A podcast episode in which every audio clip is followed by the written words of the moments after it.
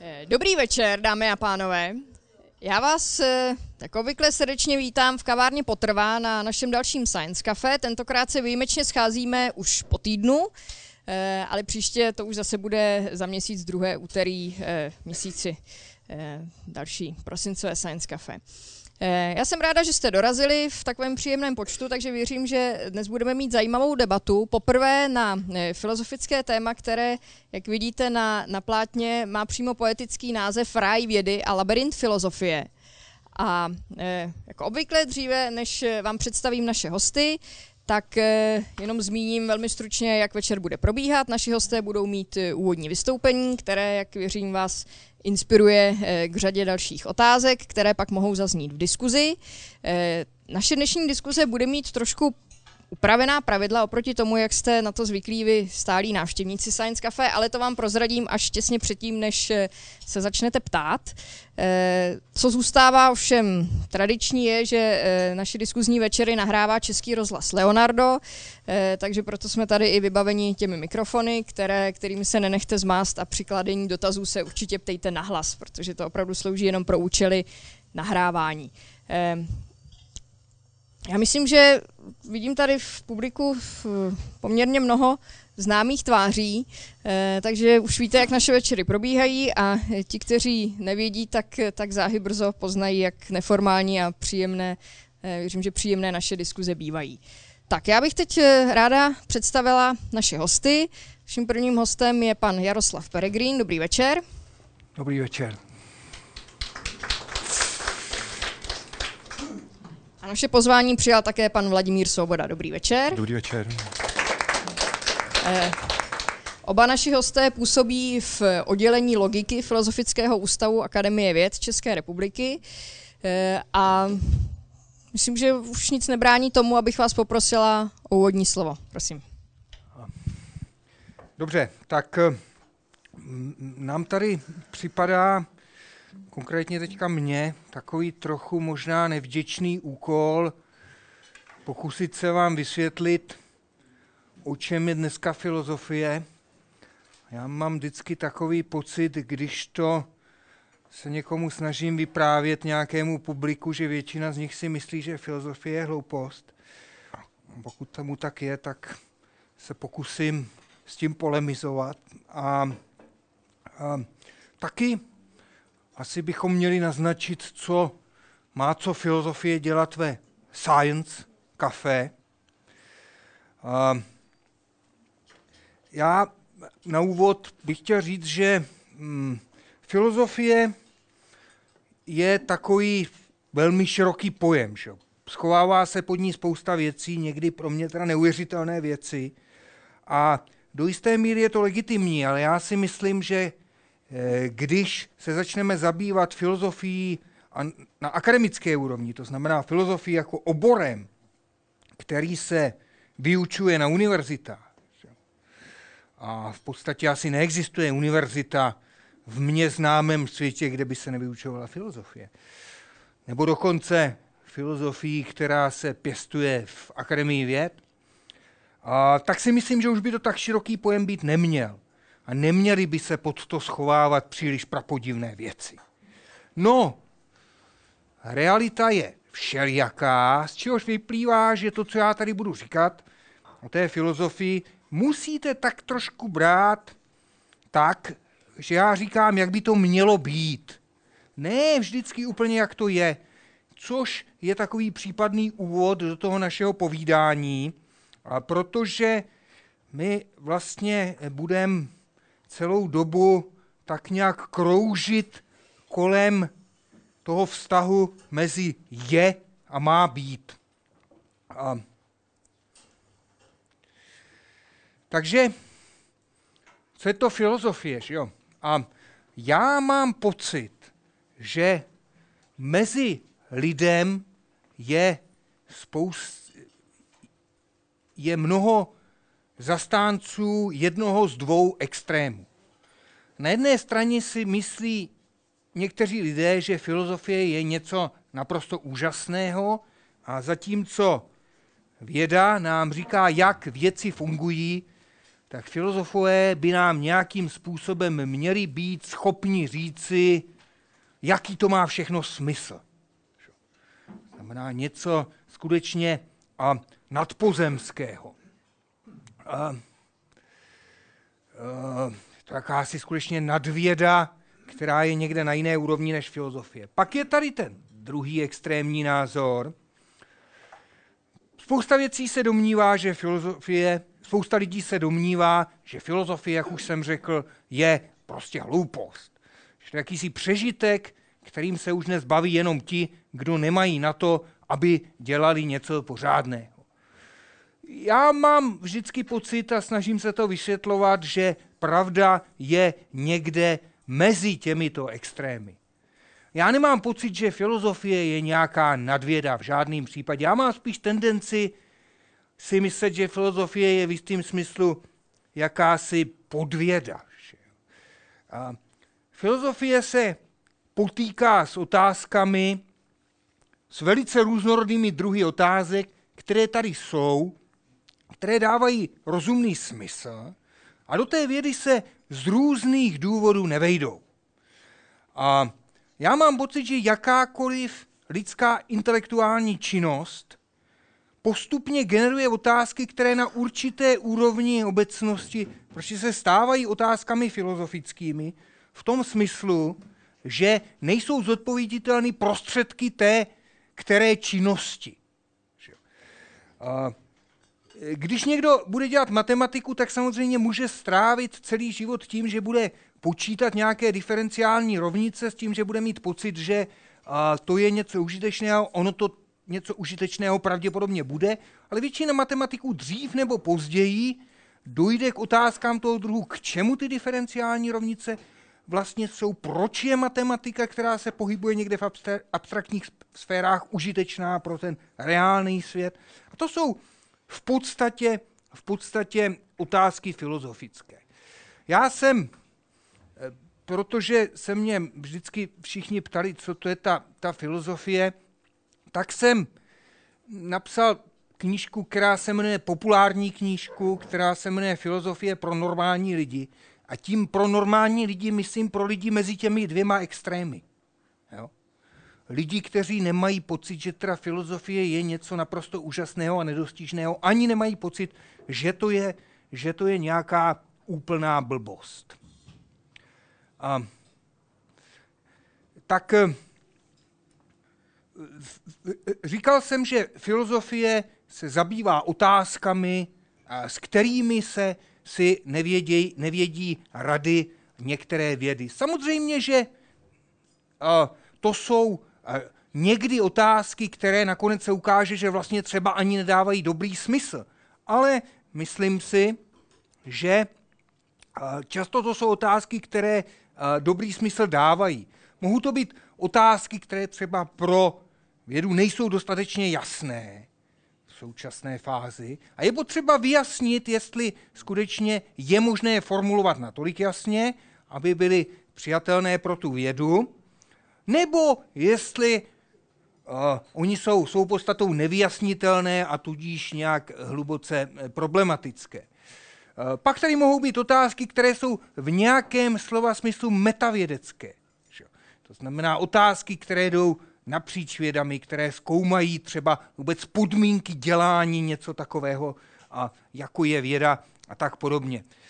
A je spousta dalších různých věcí. A my jsme si pro ten dnešní večer vybrali jedno takové velice, velice specifické téma, aby jsme tady nemluvili příliš obecně, příliš povšechně. Takže jsme si řekli, že se podíváme na otázky, které se netýkají jenom toho, co jak je, ale i toho, co jak být má. Což ní teďka velice podivně, myslím si, ale my se to pokusíme vysvětlit, o co jde. A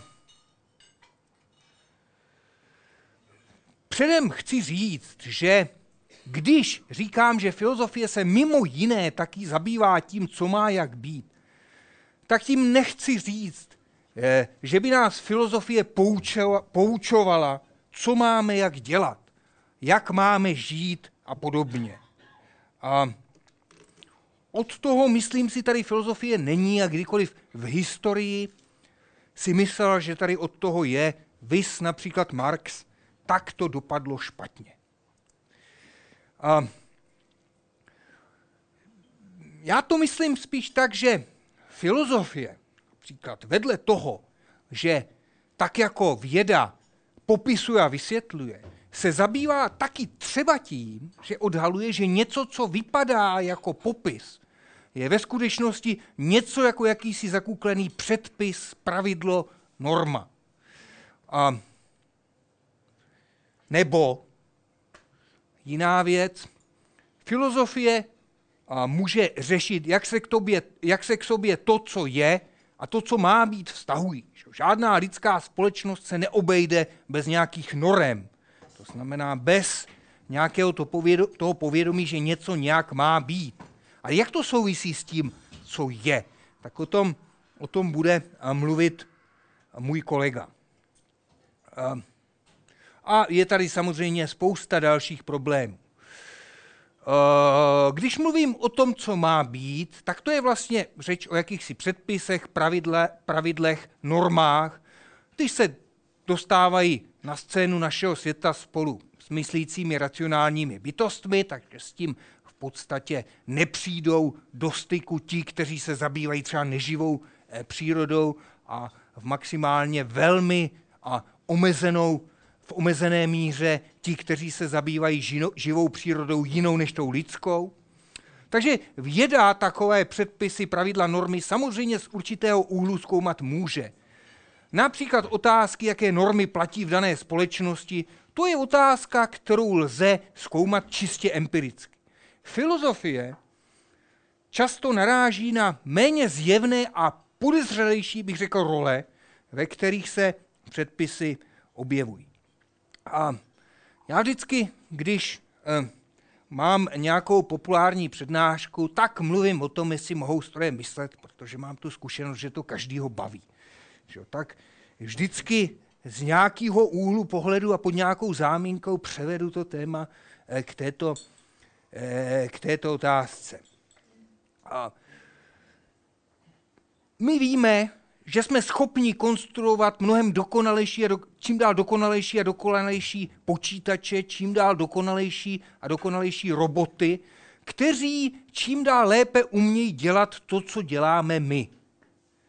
Dneska umějí hrát šachy už nejméně tak dobře jako lidé a za chvíli dá se předpokládat, že budou umět dělat, dělat téměř všechno, co, co děláme my, minimálně tak dobře jako my. A bude to znamenat, že jednou budou ty stroje myslet? No, a někdo může mít pocit, že až jednou takový počítač vyrobíme, tak to bude empirická otázka, zjistit, jestli myslí. A že tedy vědci by možná měli skonstruovat nějaký detektor myšlení.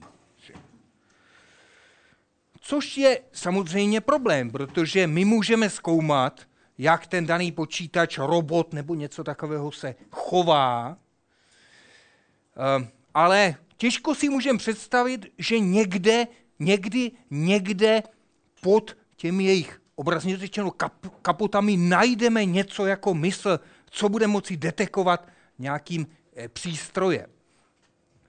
To znamená, ta myšlenka, že by věda mohla a vyvíjet nějaký a něco jako detektor myšlení, nedává úplně dobrý smysl. Ono ostatně je to stejné jako u nás u lidí.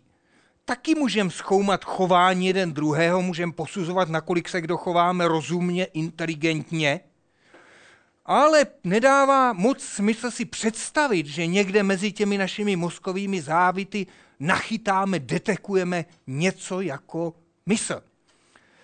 Znamená to, že ta otázka, jestli mohou stroje myslet, a, a nedává žádný rozumný smysl? No, a to asi není tak docela pravda. My skutečně můžeme jednou čelit tomu problému, jestli prostě pro na počítače vztáhnout zákonník práce, protože oni si budou stěžovat, že moc pracují nebo něco takového. Ale to, co chci říct, je, že z toho, co jsem řekl, lze vyvodit, že taková otázka, jako jestli počítače někdy budou moci myslet, dává do velké míry smysl jedině jako otázka normativní. To znamená nikoli zcela empirická otázka. Otázka, bude někdy správné nebo rozumné o počítačích říkat, že myslí? Což je taky uh, otázka týkající se našeho jazyka, užívání našeho jazyka. A to je uh, jakýsi opakující se motiv ve filozofii, že prostě se k ní dostávají otázky, které někdy vypadají na první pohled jako věcné, ale postupně se ukazuje, že to můžou být otázky, které mají více co dělat s užíváním našeho jazyka, než s nějakým skutečně empirickým poznáním. E, když se dostávám k tomu jazyku, tak se dostávám k tomu, čím my dva se nějak e, specificky zabýváme, e, což je jazyk a potažmo, potažmo logika. Teďka šla do tisku tahle ta kniha, která se jmenuje Od jazyka k logice, která by měla před Vánoci výjít, na které jsme v poslední léta intenzivně pracovali. A ehm, teď ještě, než předám slovo kolegovi, tak několik slov o jazyce a o tom, v jakém smyslu hrají pravidla, role, roli v rámci toho našeho jazyka. Já jsem říkal, že tady v tom našem drobném vystoupení se soustředíme na, tom, na ty problémy vztahu mezi tím, co je a tím, co má být, tak i na ten jazyk se podívejme z hlediska těch pravidel a té normativity. Já mám zkušenost, že když začnu a někde a mluvit o tom, že jazyk je věc, která v nějakém smyslu spočívá na pravidlech, tak se a, zvedá jistá vlna odporu, každý je, ochotný, každý je ochotný souhlasit s tím, že máme nějaká jazyková pravidla, například každý ví, že se ve škole musel učit pravopis, ale mnohem větší problém mají všichni s tím, že by existovala pravidla týkající se obsahu to je smyslu či významu toho, co říkáme. A ta námitka je obvyklá, že jazyk nám přece slouží k tomu, aby jsme projevili svou spontánnost, kreativitu a ne spoutanost. Jak by mohl být eh, spoután eh, nějakými pravidly? Srovnejme z tohoto pohledu jazyk s takovou hrou, a jako jsou šachy. A filozof Ludwig Wittgenstein na jednom místě říká, otázka, co je to vlastně slovo, je analogická otázce, co je šachová figurka. A když se podíváme na šachy, tak vidíme, že samozřejmě v rámci šachu je prostor pro jistý pozoruhodný druh a kreativity i a spontánnosti. Eh, na druhé straně tento specifický druh kreativity, to znamená něco jako a metaforicky řečeno virtuózní komponování šachových partií, může existovat právě jenom do té míry, do jaké existují pravidla šachu. A tam se objevila nějaká značka nějakým záhadným způsobem, koukám na tom slajdu. Aha, aha, to měla být čipka, jo, jo, ta se tady nějak spotvořila na tom, to ještě, to ještě v Apple neumějí. A, takže z toho vyplývá, že to jsou právě ta pravidla šachu, která otevírají prostor, v němž se něco takového a jako a velice specifický druh kreativity a Eh, který vidíme v šachu, může odehrávat.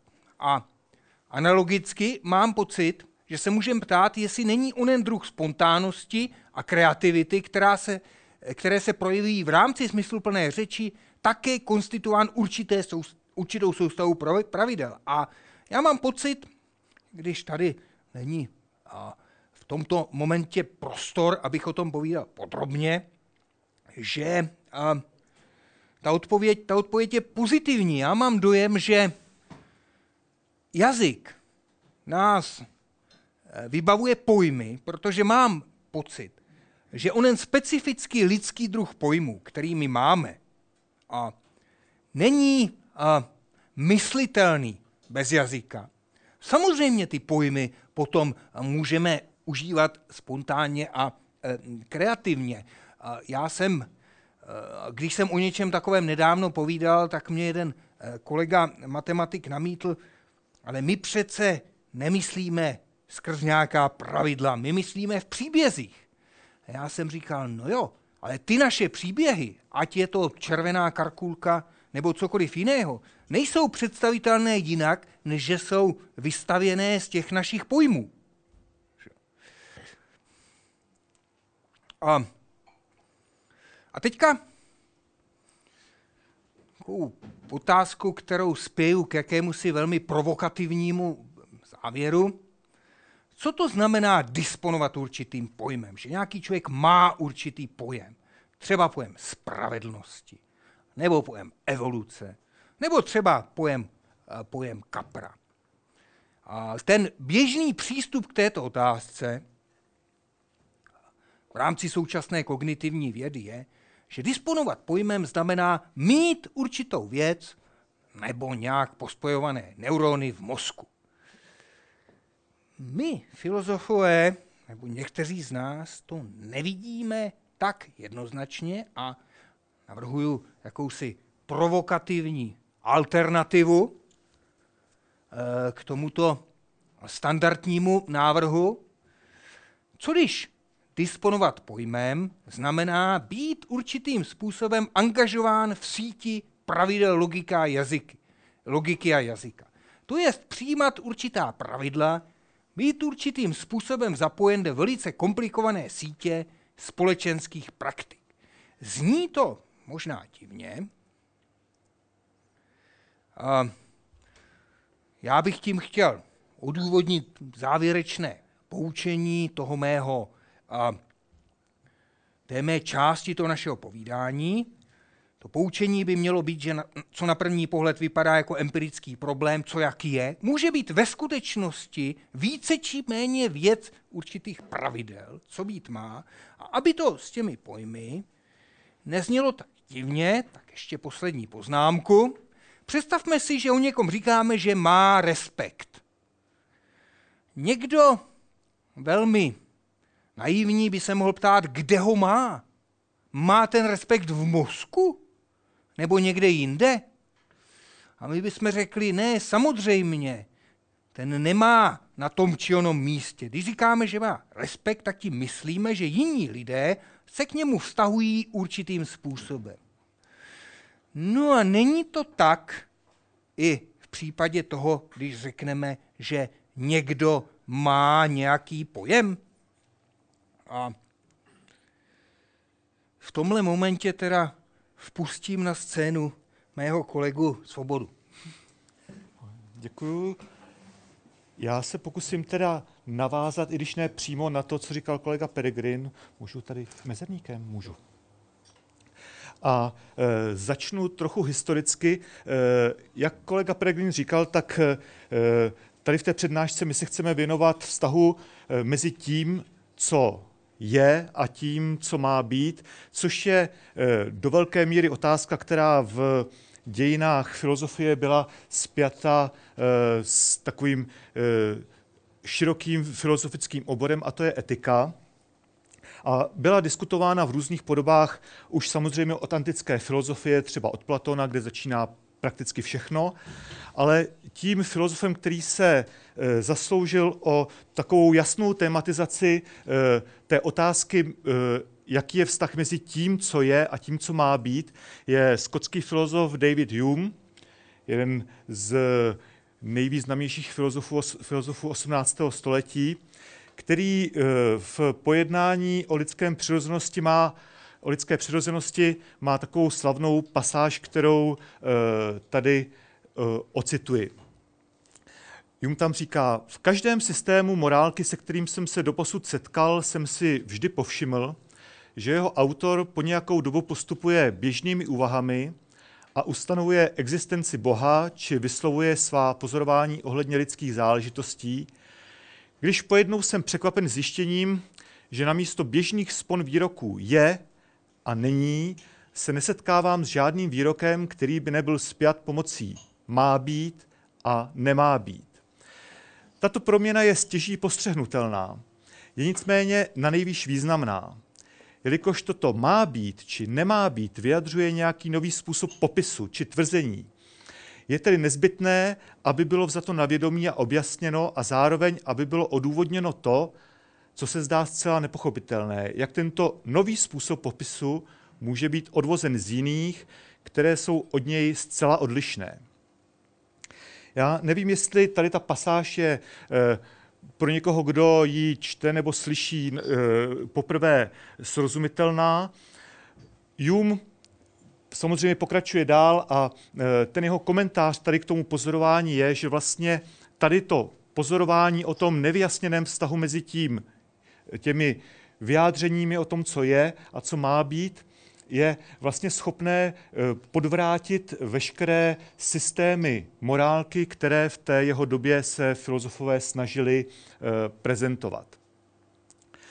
Eh, je to z dnešního pohledu se tady, ta, tady ten, to Humov pouk, ten Humov poukaz chápe jako jakýsi klíčový problém pro všechny teorie morálky, které jsou naturalisticky založené, které právě nějakým způsobem se snaží ukázat, že představy o tom, co má být, eh, mohou být nějakým způsobem eh, vybudovány nebo založeny na nějakých eh, empirických vědeckých výzkumech, které nám odhalí, co je, a tím způsobem my vlastně dokážeme získat nějaké představy, které, které nám dovolí formulovat ta, ta tvrzení, respektive soudy, předpisy o tom, co má být.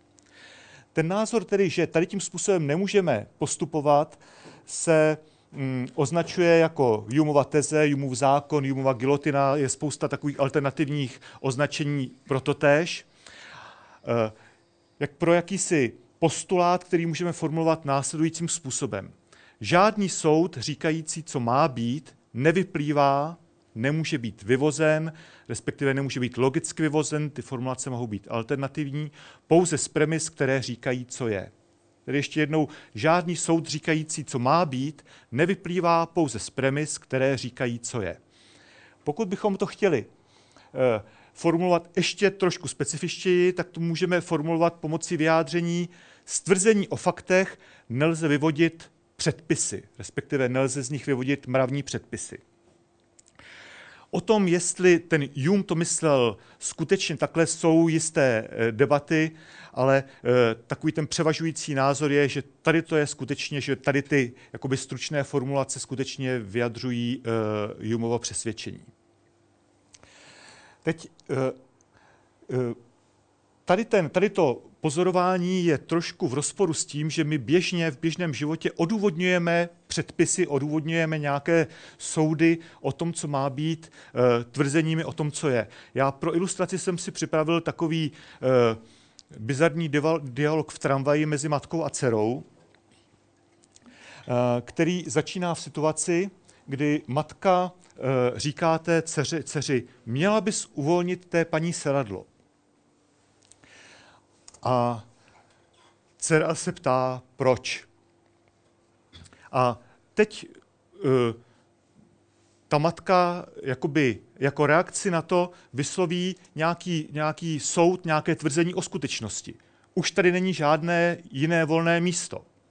Je to dobré odůvodnění pro, to, pro uh, ten předpis, že by měla uvolnit té uh, dceři sedadlo? No, může být a nemuž, ne, nemusí. Ta nějaká hodná dcera by už vstala, ale taková trochu drzejší dcera eh, se na tu matku může obrátit s takovým dotazem, jak z toho plyne, že bych měl uvolnit to sedadlo. Eh, matka, řekněme, odpoví, no, ta paní je přece stará.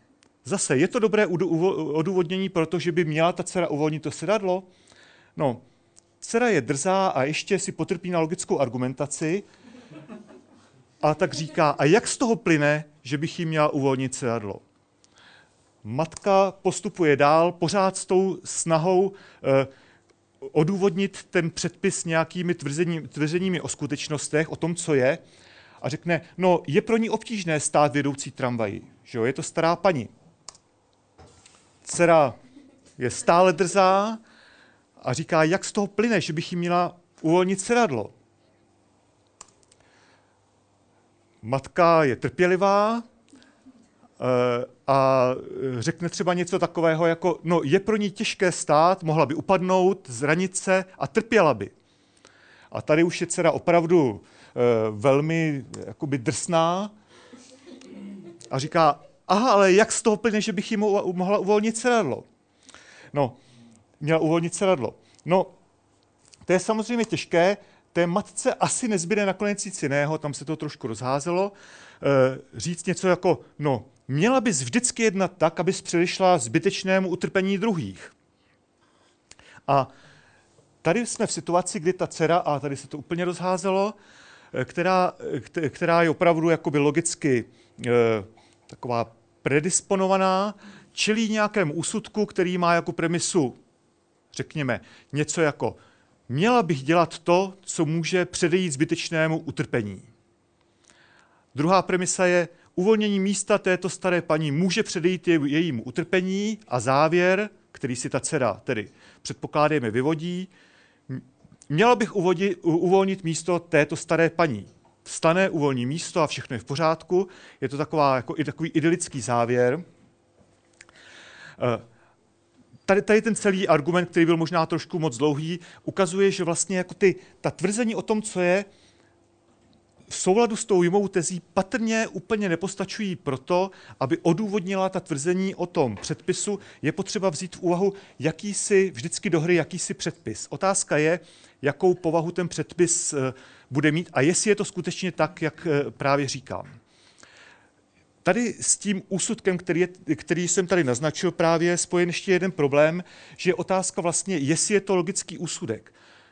Je řada logiků, kteří by řekli, to, co ta dcera tady v tom uh, jednoduchém příkladu nakonec dělá, vlastně není logický úsudek, protože logické úsudky se týkají jenom toho, co je pravda a co je nepravda. Uh, ve svých premisách a v závěrech mohou být jenom něco, co je pravda nebo nepravda a e, takové soudy, jako měla bych dělat to, co může předejít zbytečnému utrpení, nebo měla bych uvolnit místo této staré paní, vlastně nejsou striktně za to pravdivé ani nepravdivé a tudíž v rámci logických úsudků nemají co dělat.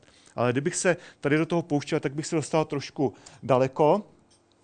Takže já přejdu e, k takovému kritic, takové kritické reakci na tu Humovu tezi, a to je reakce amerického filozofa Johna Searla, který uh, ukázal jeden argument, který má ilustrovat to, že my můžeme přejít od tvrzení o tom, co je, od těch jakoby faktických tvrzení, on, on tomu říká uh, uh, brute facts, taková, taková ty tvrdé fakty, k nějakým předpisujícím soudům, soudům o tom, co má být. A ten jeho argument eh, se stává z posloupnosti eh, nějakých výroků. Ten první výrok říká, Jones vyslovil slova, tímto ti smysly slibuji, že ti zaplatím pět dolarů. Z toho, říká Searle, plyne. A teď jsem se dostal někam dozadu.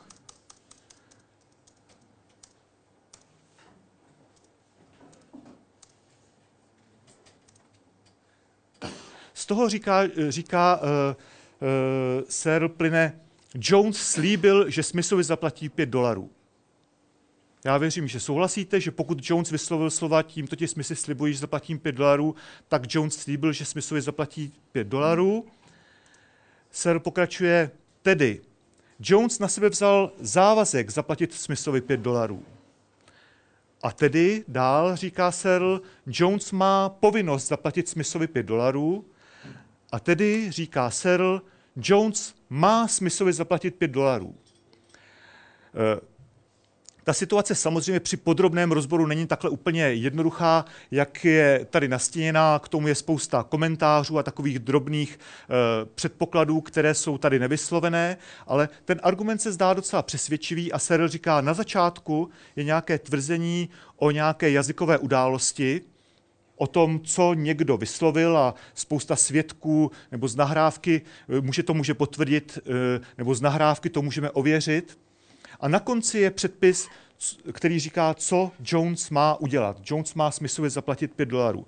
A teď je otázka, jestli tady ten argument je rozumné brát jako vyvrácení té Jumovy teze, jako argument, který ukazuje, jak můžeme od toho tvrzení o tom, co je, přejít prostě nějakým logickým způsobem k tomu tvrzení o tom, co má být.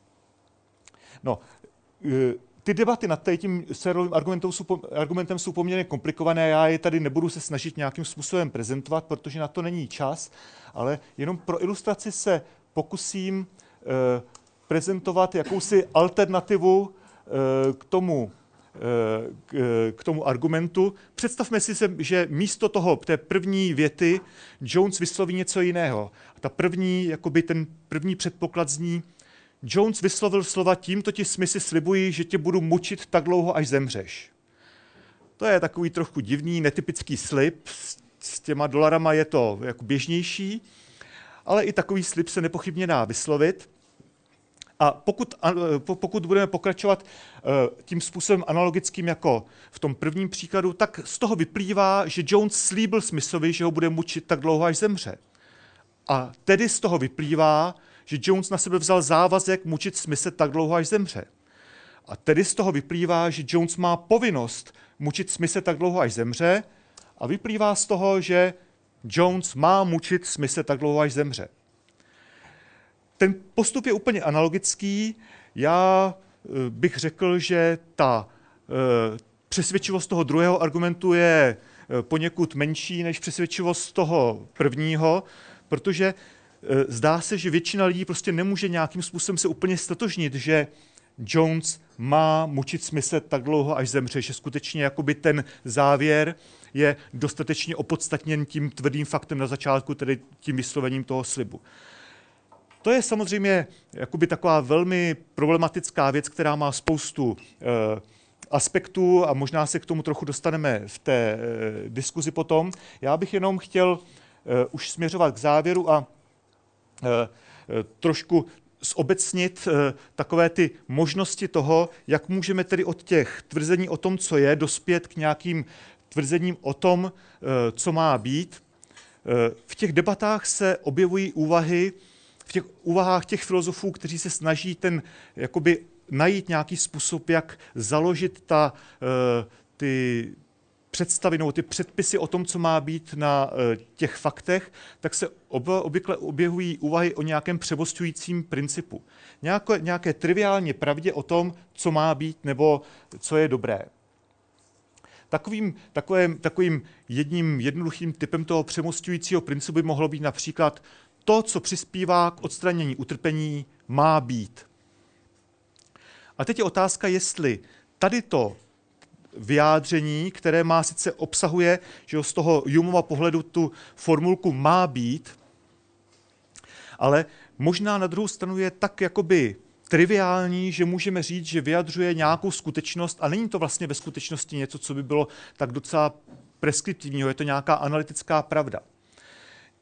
E, takovým alternativním e, alternativní možností pro ten přemostující princip by mohlo být něco jako to, co přispívá k dlouhodobé maximalizaci příjemných pocitů u maximálního počtu živých bytostí, má být. Otázka je, jestli nějaký takový přemostující princip skutečně můžeme přijmout. A to, že něco takového patrně přijmout nemůžeme, proto argumentoval slavný britský uh, filozof eh, George Edward Moore, který stávil už většinu života ve 20. století. Eh, a já tady přednesu takovou, v takovém jako velmi zkráceném nástinu jeho argument, který se nazývá argument otevřené otázky. Ten Moore říká, představme si jakoukoliv naturalistickou odpověď na otázku, co je dobré. Například dobré je to, co přináší pocit štěstí, že jo? což je možná jakási jednoduchá verze toho e, předchozího, o čem jsem tam mluvil, to maximální přinášení e, dobrých pocitů, nebo co jsem tam měl e, maximálnímu počtu lidí. Je otázka, je to, co přináší e, pocit štěstí, e, nebo že tady to je, je předpoklad, že dobré je tedy vlastně přinášející pocit štěstí maximálním počtu e, bytostí. Je, je ta otázka, je to, co přináší pocit štěstí, opravdu dobré, triviální? Je opravdu taková, že na ní nemůžeme dát zápornou odpověď? Je to taková otázka, která vlastně nestojí teda za nějaké zkoumání, protože ta odpověď na ní je každému zřejmá? No, zdá se, že to tak není. Když si třeba představíme, že někdo vynalezne e, drogu, která e, nějakým e, magickým způsobem svetuje celé lidstvo, třeba i včetně zvířat a všichni se budou cítit šťastní, budou žít v jakési šťastné iluzi. Bude to dobré? Pokud by Eh, dobré skutečně znamenalo přinášející pocit štěstí, muselo by to být dobré, ale eh, asi sami všichni cítíte, že to asi není úplně ta představa o tom, co je dobré, kterou by většina lidí eh, hájila. Takže Moore říká, pokud, může, pokud ta otázka, která je, kterou se vztahneme ke každé té filozofické redukci toho co má být, že jo, toho, co je dobré, na nějakou, nějaké naturální charakteristiky, eh, je vždycky otevřená, tak patrně eh, eh, nemůžeme, tu, nemůžeme etiku redukovat nějakým naturalistickým způsobem. A už směřuji opravdu k závěru. To, co má být, tedy přinejmenším z pohledu toho Můra, z pohledu spoustu dalších filozofů, Eh, není redukovatelné na to, co je, z mnoha důvodů. To ale neznamená, že to, co má být s tím, co je, nesouvisí. Že? To by byla zase úplně jiná věc, to by bylo zase úplně jiné tvrzení. Takže přestože to není redukovatelné, neznamená to, že to, co má být, je nějakým způsobem zcela nezávislé na tom, co je. A také to neznamená, že o tom, co je, a o tom, co není dobré, o tom, co je, co, co má být a co nemá být, nelze racionálně debatovat. Nelze debatovat eh, s užitím logických argumentů. A tomu, že tady ta cesta eh, je otevřená, že vlastně eh, ta logická debata o těch i o těch etických otázkách, o těch otázkách, co má být, je otevřená. To jsme se snažili nějakým způsobem doložit v knize, kterou jsme asi před 11-12 lety napsali s kolegou Pola, eh, Petrem Kolářem, a která se jmenuje Logika a etika a vydalo ji nakladatelství Filozofia, což je nakladatelství našeho mateřského ústavu, což je Filozofický ústav Akademie věd tady v Praze. A to je všechno, co jsem chtěl říct. Děkuju.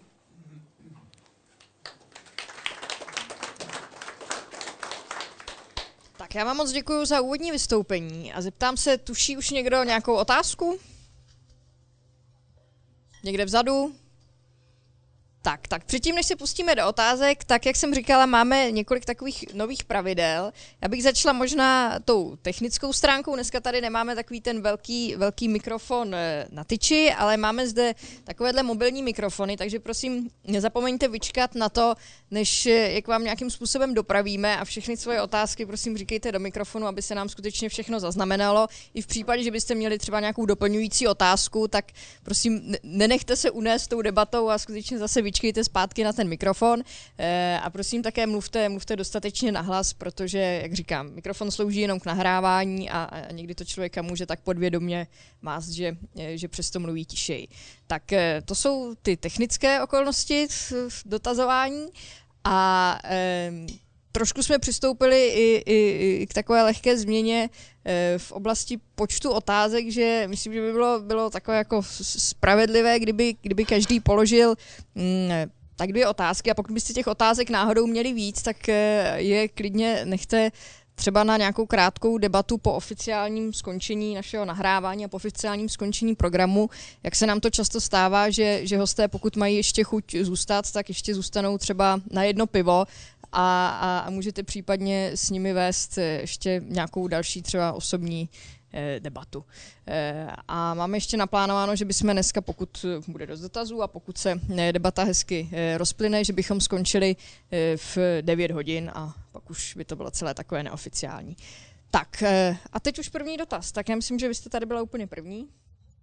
Tak dobrý den, já mám otázku k tomu, k té dceři a matce v tramvaji, že já, já, jak jsem o tom tak přemýšlela, tak si myslím, že se dá vymyslet i faktický argument k tomu, že teda by si měla stoupnout ta dcera, například ve smyslu, že když zvýší pravděpodobnost, že si ublíží, bude se muset platit na léčbu, léčba půjde ze všech peněz a tudíž jejich rodina bude mít méně peněz, což je pro ní nevýhodné tak by mě zajímalo, co se tak na tohle odpovídá, protože věřím, že tuhle otázku už položilo mnoho lidí přede mnou. Děkuji. Eh, no, tam je samozřejmě eh, otázka, jestli eh, jsou si všichni, se všichni shodnou na tom, že to, co, na čem máme mít zájem, je šetřit ty společné peníze nebo něco takového, nebo šetřit ty své peníze.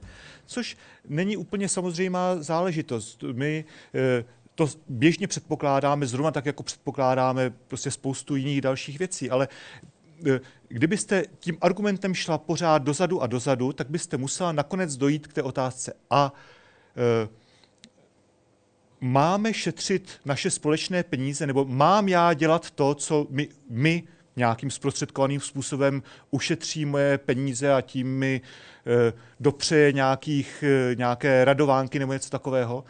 A ta odpověď musí být, no, měla bych nebo neměla bych. Ta, ta, ta odpověď nemůže být prostě samozřejmě. Zdá se mi teda. Ano, a není i fakt to, že já to prostě chci, ať už to logický je nebo není? To je dobrý nápad.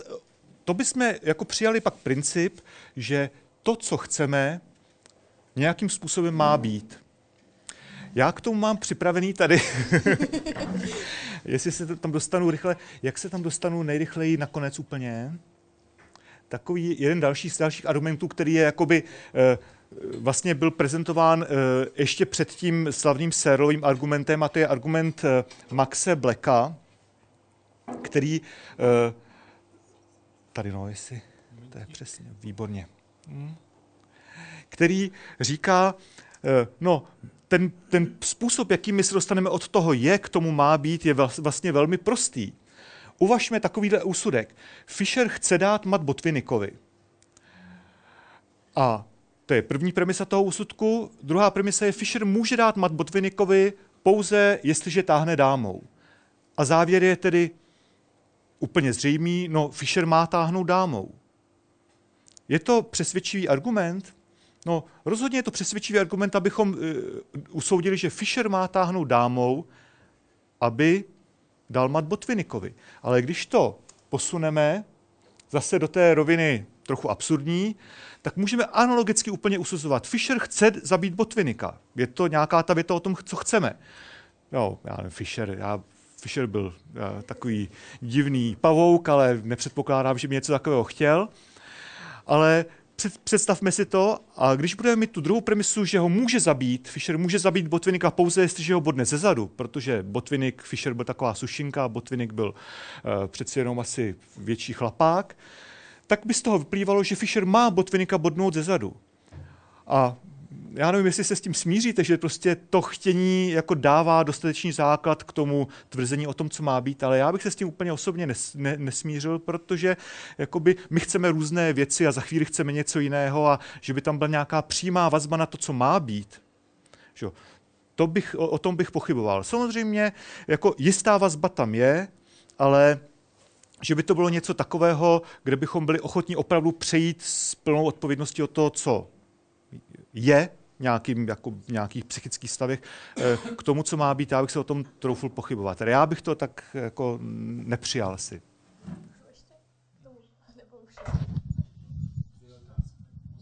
Já to byla, ale ta byla doplňující. Mě by zajímalo v tom případě, jakoby, proč to má se musí vždycky vztahovat ke své společnosti, protože tady zjevně ze svého pohledu má bodnout zezadu a je to v pořádku. A už budu mlčet. no upřímně řečeno, na tady ten argument se mi opravdu těžko odpovídá.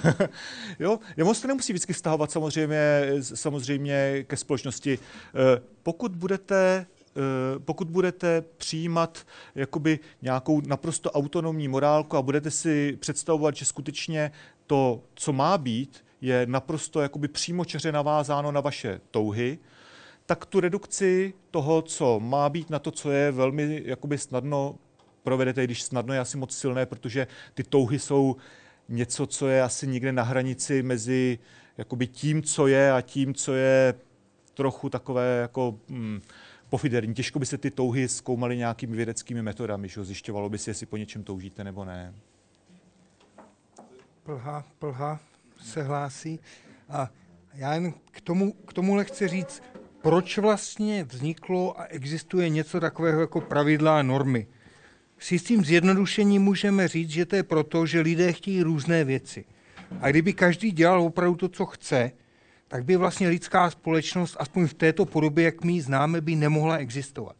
A proto je zabudována jaksi v tom pojmu ty normy, ta možnost, že cokoliv, co kdokoliv chce, může být prostě v rozporu s tím, co se má.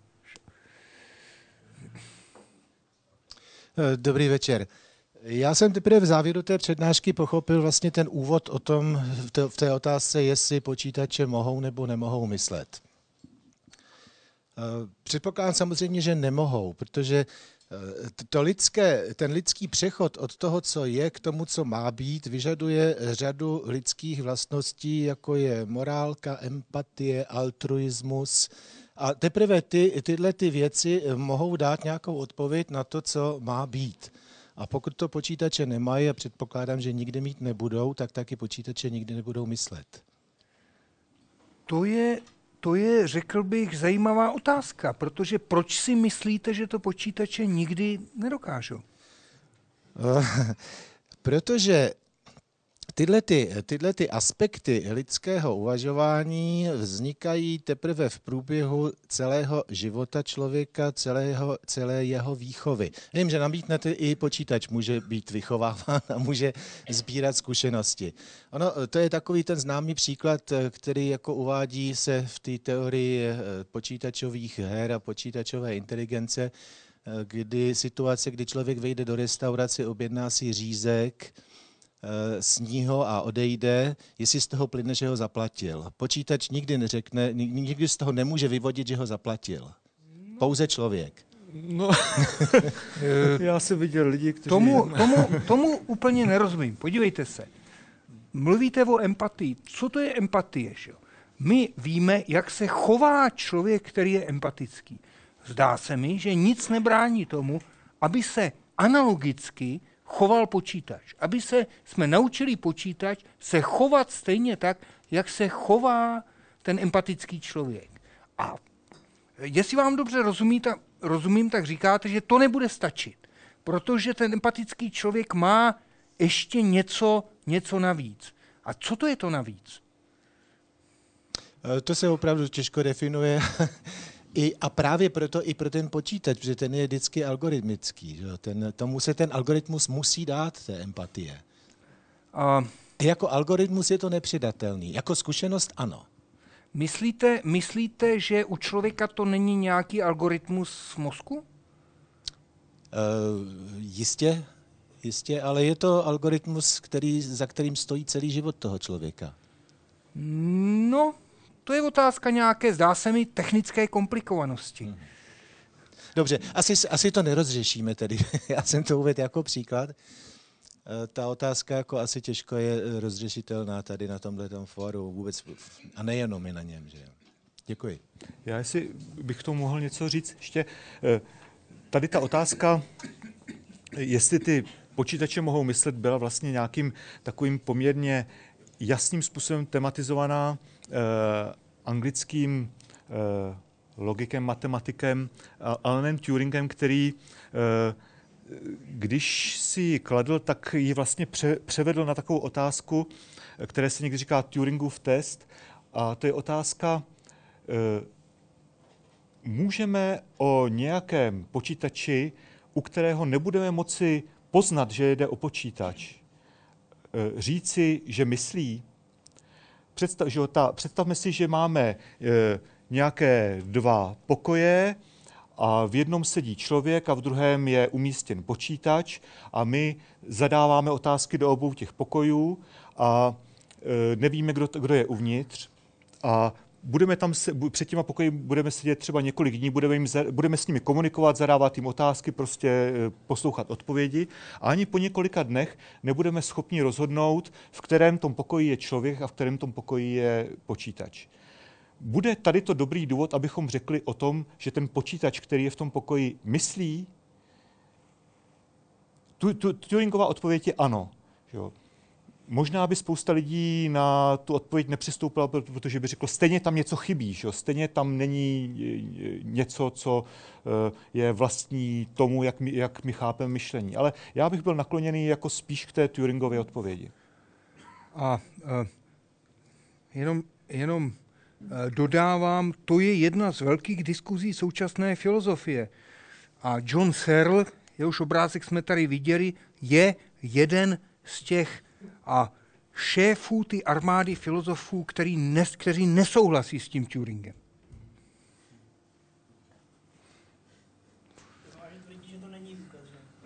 Ano, ano.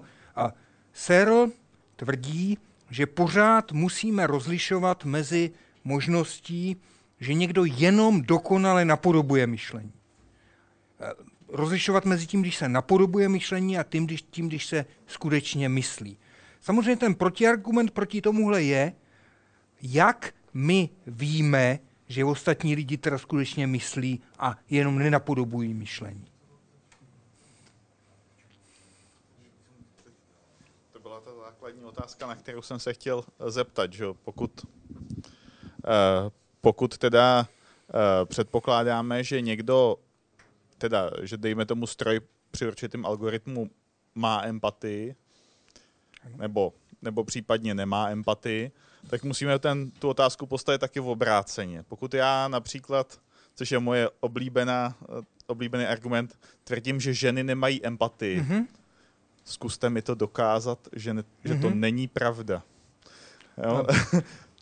proti tomu, proti tomu ta, ta obrana, to stanovisko, ze kterého já vám to budu schopen dokázat, je, že budu říkat, empatie je opravdu určitý specifický způsob chování. Že? A budu třeba říkat, jak si ženy vykazují taky tento způsob chování, nebo možná třeba nevykazují, já nevím. Že? A, a potom ale bude skutečně ta otázka, jestli někdo nebo něco myslí, jenom, ukázka toho, jenom otázka toho, jak tato bytost nebo věc se chová, funguje a tak podobně. Což je to Turingovské stanovisko. Mě tam zaujal ten problém přechodu od je k má být a mm, mě tak napadlo, že ono, až se to tak nezdá, tak podobný problém často řeší věda. Eh, sama pro sebe ve smyslu v tom, která teorie má být pro ten daný problém přijata.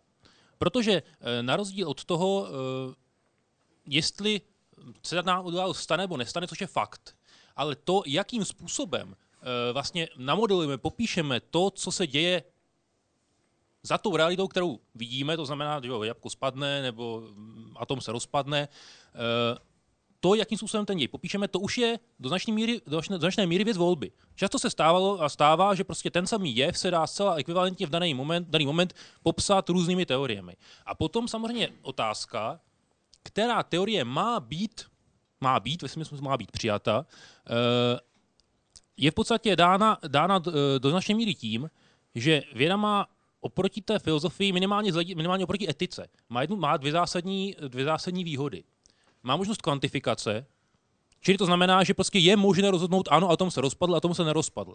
Na rozdíl, na rozdíl od toho, jestli je poměrně složité uh, asi skvantifikovat, jestli člověk je šťastný, není šťastný. Uh, a druhá věc, je tam, je, tam, je tam hlavně možnost experimentu a falzifikace. Filozofie by v podstatě tuhle možnost teoreticky měla taky, ale nikdo si ji netroufne. A kdo si ji troufne, tak většinou špatně dopadne. Já, já možná bych jako eh, k, té, k tomu úplně, co jste říkal úplně na začátku, ta hranice je, má být, je problematická v mnoha dalších ohledech, nejen jako ta hranice mezi tím, co je fakticky a co je mravně žádoucí nebo něco takového. Tam samozřejmě ta otázka toho stanovit, co je jakoby, co má být v tom smyslu, že je nějakým dobrým způsobem uchopení nějakého problému nebo dobrým způsobem, jak se na něco dívat, je jako velmi e, problematická v mnoha ohledech a zasahuje samozřejmě, zasahuje samozřejmě i vědu a e, že v, ve filozofii vědy, o které já toho moc nevím, tak je spousta debat o tom, e, jaké jsou vlastně metody, kterými, které nám rozhodují o tom, jakými způsoby, jaké teorie, jakým teoriím bychom ve vědě měli dát přednost. Eh, kolega možná... Já si myslím, že to je jaksi velice případná připomínka, protože zase trošku naznačuje, že tam, kde máme takovým naivním pohledem tendenci vidět jenom to je, tak někde skryto zatím je to má být, protože takovým tím naivním pohledem ta věta, věda postupuje tak, že konstatuje fakty. Ty fakty tady jsou a tím je jednoznačně dáno, jak my je máme popsat, tečka. Samozřejmě ve skutečnosti to tomu tak úplně není. Vždycky máme nějakou volbu, jakým způsobem my je můžeme zachytit. A teď do toho vstupují nějaké úvahy toho typu, co je nějakým způsobem lepší, co má být, nemá být.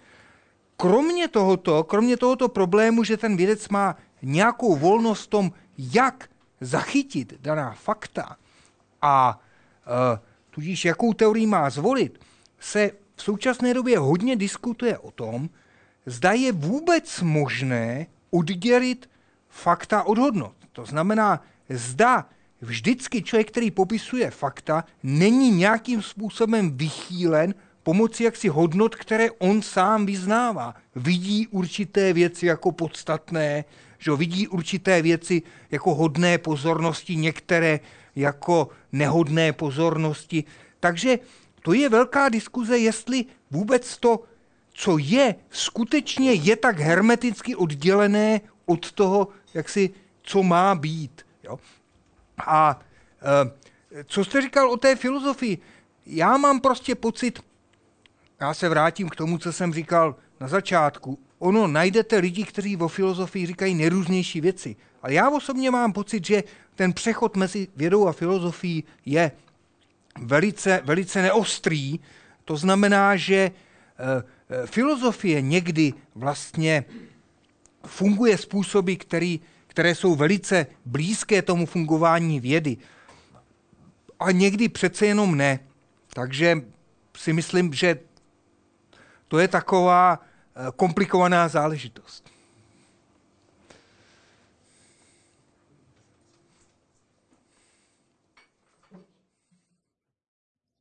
Já bych měl eh, takovou jednu uh, poznámku a jednu otázku. Jednak uh, k, um, k tomu, proč, uh, proč je tak důležitý ten pojem měl bych nebo mělo by být. To je kvůli tomu, že to je pojem společenský. Zatímco chci je individuální, mohu, případně musím, jsou pojmy hraniční, tak měl bych je něco, co odkazuje vyloženě na společnost, na morálku a na etiku. A já chápu, že vlastně mm, ta vaše úvodní uh, část byla hodně stručná, ale na mě to přece jenom zapůsobilo tomu, že věříte tomu, že lze dospět k jakési obecné morálce a obecné etice.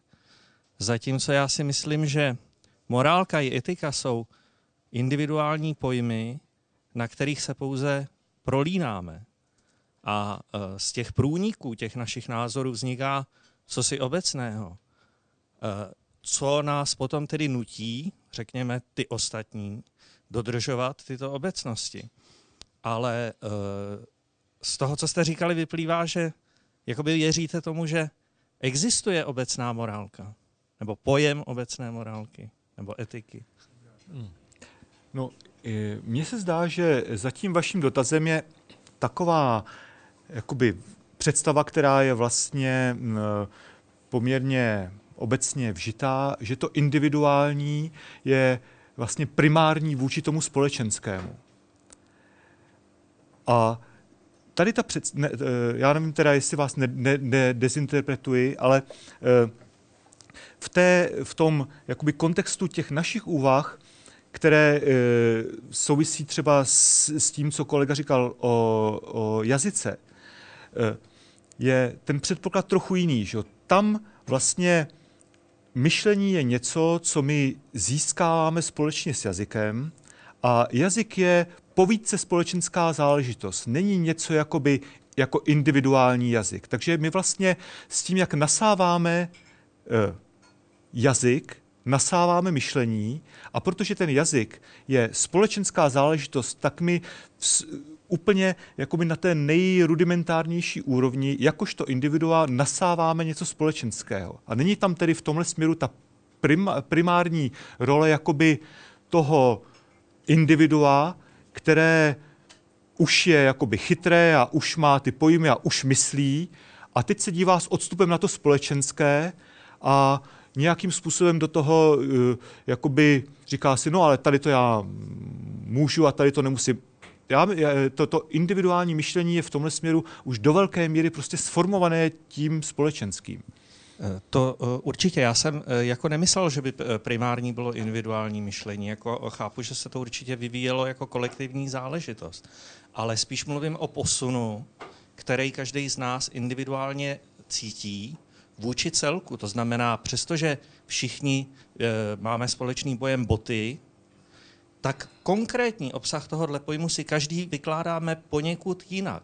Nikdo si nepředstavíme úplně stejnou botu jako někdo druhý. Přestože jsme schopni se shodnout na tom fenoménu e, té boty, tak přece jenom e, konkrétní představa je jiná a takhle je to samozřejmě i s tou morálkou a etikou. My máme jakýsi pocit, že máme společnou morálku a společnou etiku, ale naše individuální výklady jsou vždycky posunuty trochu jinak. To znamená, ne, že jsou primární, určitě to se vyvíjí kolektivně, ale eh, přesto jako eh, jednotlivé významy jsou individuální. No, já jenom eh, bych krátce řekl k tomu, co jste řekl, že máme všichni společný pojem boty. To je podle mě velmi problematická formulace, protože právě, jak jste řekl v zápětí, každý máme trochu jiný pojem boty. A teď se vlastně jako slévají tady ty, tady ty dvě jako formulace, které obě dvě vypadají jako pravdivé. Že jo? Všichni, máme, všichni máme pojem boty a každý z nás má individuální pojem boty. A e, otázka je, jak tady mezi těmi jakoby dvěma variantami najít nějakou rozumnou cestu, aniž bychom museli volit mezi jednou nebo druhou, protože obě dvě cesty vedou eh, do pekel. Že jo? Obě dvě cesty nám trochu jakoby problematizují eh, eh, představy o tom, jak komunikujeme, jak myslíme. Já, když, se, když trošku vulgarizuji to, co v jiných kontextech říká kolega Peregrin, tak říkám, nikdo z nás nemá pojem boty. Všichni jenom umíme předstírat, že ten pojem boty máme. Já nemám předem jakoby rozhodnuto, o to, rozhodnuto to, jestli tam to nazvu botou a tady to už budu nazývat sandálem nebo tenisko nebo něco takového. Že jo? To je, já ve, ve v běžné, v naprostých, naprostě většině běžných kontextů dokážu výborně předstírat, že mám pojem boty, a to znamená, že já ho vlastně mám, protože e, nikdo asi nemá o moc lepší než já. Samozřejmě, když se to týka, bude týkat odborných pojmů, tak e, třeba já nevím, já mám nějaký pojem cukrovky, ale lékaři mají nějaký pojem, o kterém já uznám, že, že je lepší. Já to umím prostě předstírat, že vím, co to je cukrovka, jenom do určité míry. Někdo to umí líp, někdo to umí třeba ještě hůř. Ale zdá se mi, že tady, tady v tom prostě hovořit o těch uh, jako individuálních pojmech a těch obecných pojmech je trochu, jako by těch, které sdílíme, trochu zavádějící. Já si myslím, že je užitečné se na to podívat ještě jinak. Já si myslím, že když říkáme, že máme společný pojem boty a každý má svůj individuální, takže to je skutečně taková dvojznačnost a že by mohlo pomoct, když bychom například říkali, že pojem je to, co máme společné a to, co má každý zvlášť, to jsou nějaké představy třeba. Že? Což je nakonec úzus, který docela v té moderní, pokud ne filozofii, tak logice určitě e, zdomácněl a tímhle se, myslím, trošku a, trošku to, to vyjasní. A e, u té morálky, etiky, já mám dojem, že to je něco, co jaksi podobně jako, podobně jako jazyk a pojmy, co je svým, svou podstatou společenské. Že jo? Ta morálka. To znamená říct, že člověk má svou vlastní morálku, jde tak trochu spíš jako v přeneseném smyslu, mně se zdá.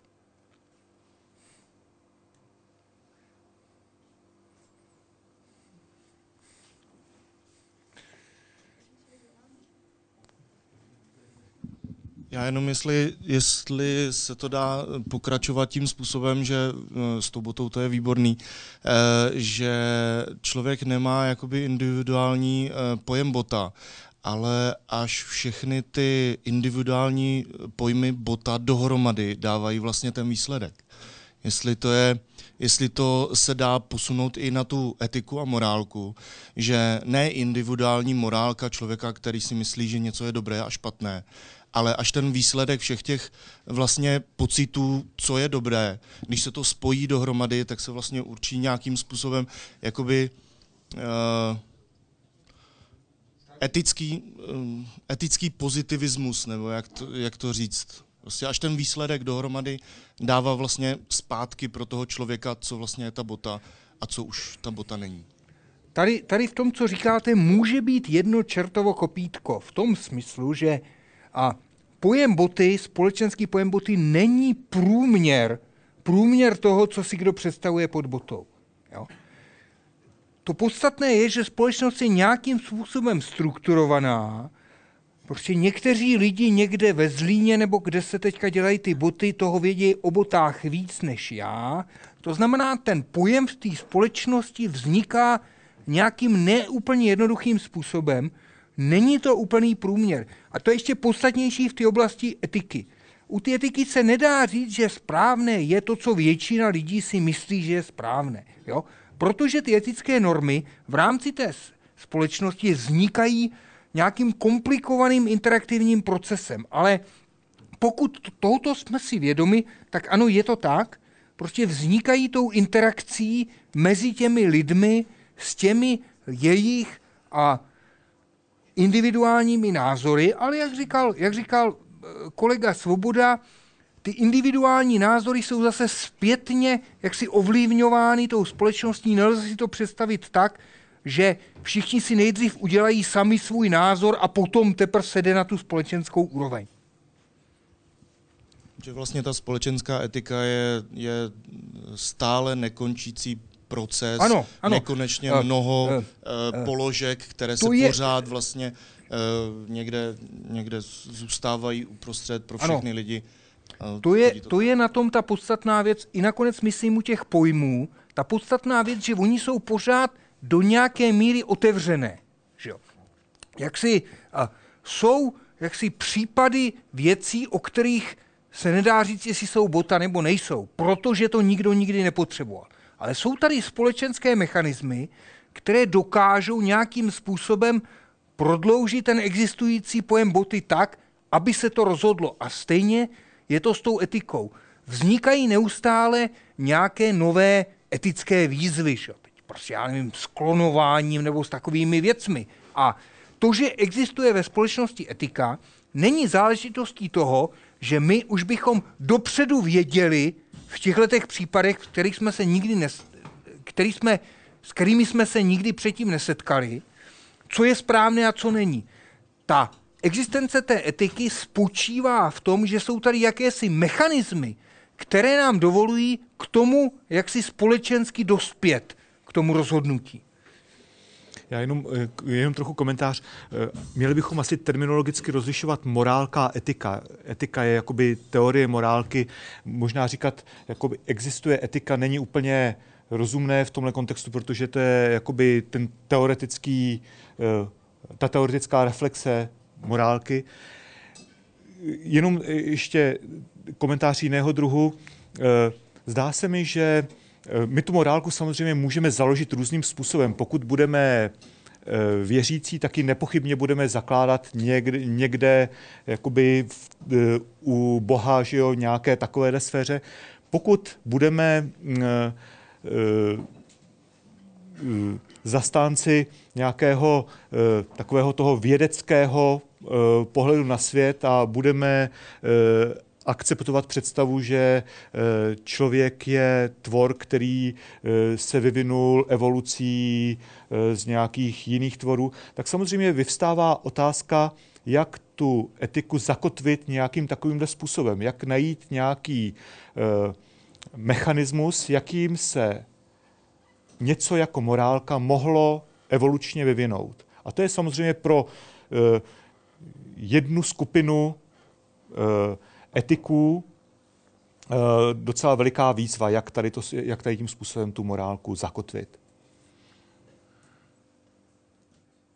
Eh, doufám, že nebudu litovat, že jsem vyčerpal druhou otázku. Mě napadla, teď tak jako tady poslouchám vlastně uh, taková věc, že jeden z těch problémů, kterým připadá, že v tom celém vězí je ten, že, trvám, že vlastně trváme na absolutní platnosti pojmu. Uh, že řekneme prostě, když se řekneme, že dobře, co to teda je bota, tak trváme na tom, aby, abychom prostě si byli jasně řečeno, co ta bota je. Abychom, abychom se vyhnuli případu, že bezdomovec tomuhle eh, kusu hadru ještě řekne bota a normální člověk, eh, člověk, který se má do čeho obout, už to označí prostě za, za odpad. Není možná, nebylo by užitečné, kdyby, kdyby, kdyby jste konec konců zabýváte se i logikou, kdyby logika 0.1, to znamená, když pak zcela jistě toto, eh, byla nahrazená tou neostrou fazilogikou, to znamená, eh, když pak s 95% pravděpodobností toto. Eh, v podstatě nahradit, nahradit logiku jistoty logikou pravděpodobnosti, protože tím by se v podstatě mnoha, mnoho problémů s tím, že není jak danou věc jistě definovat, vlastně vyřešil sám.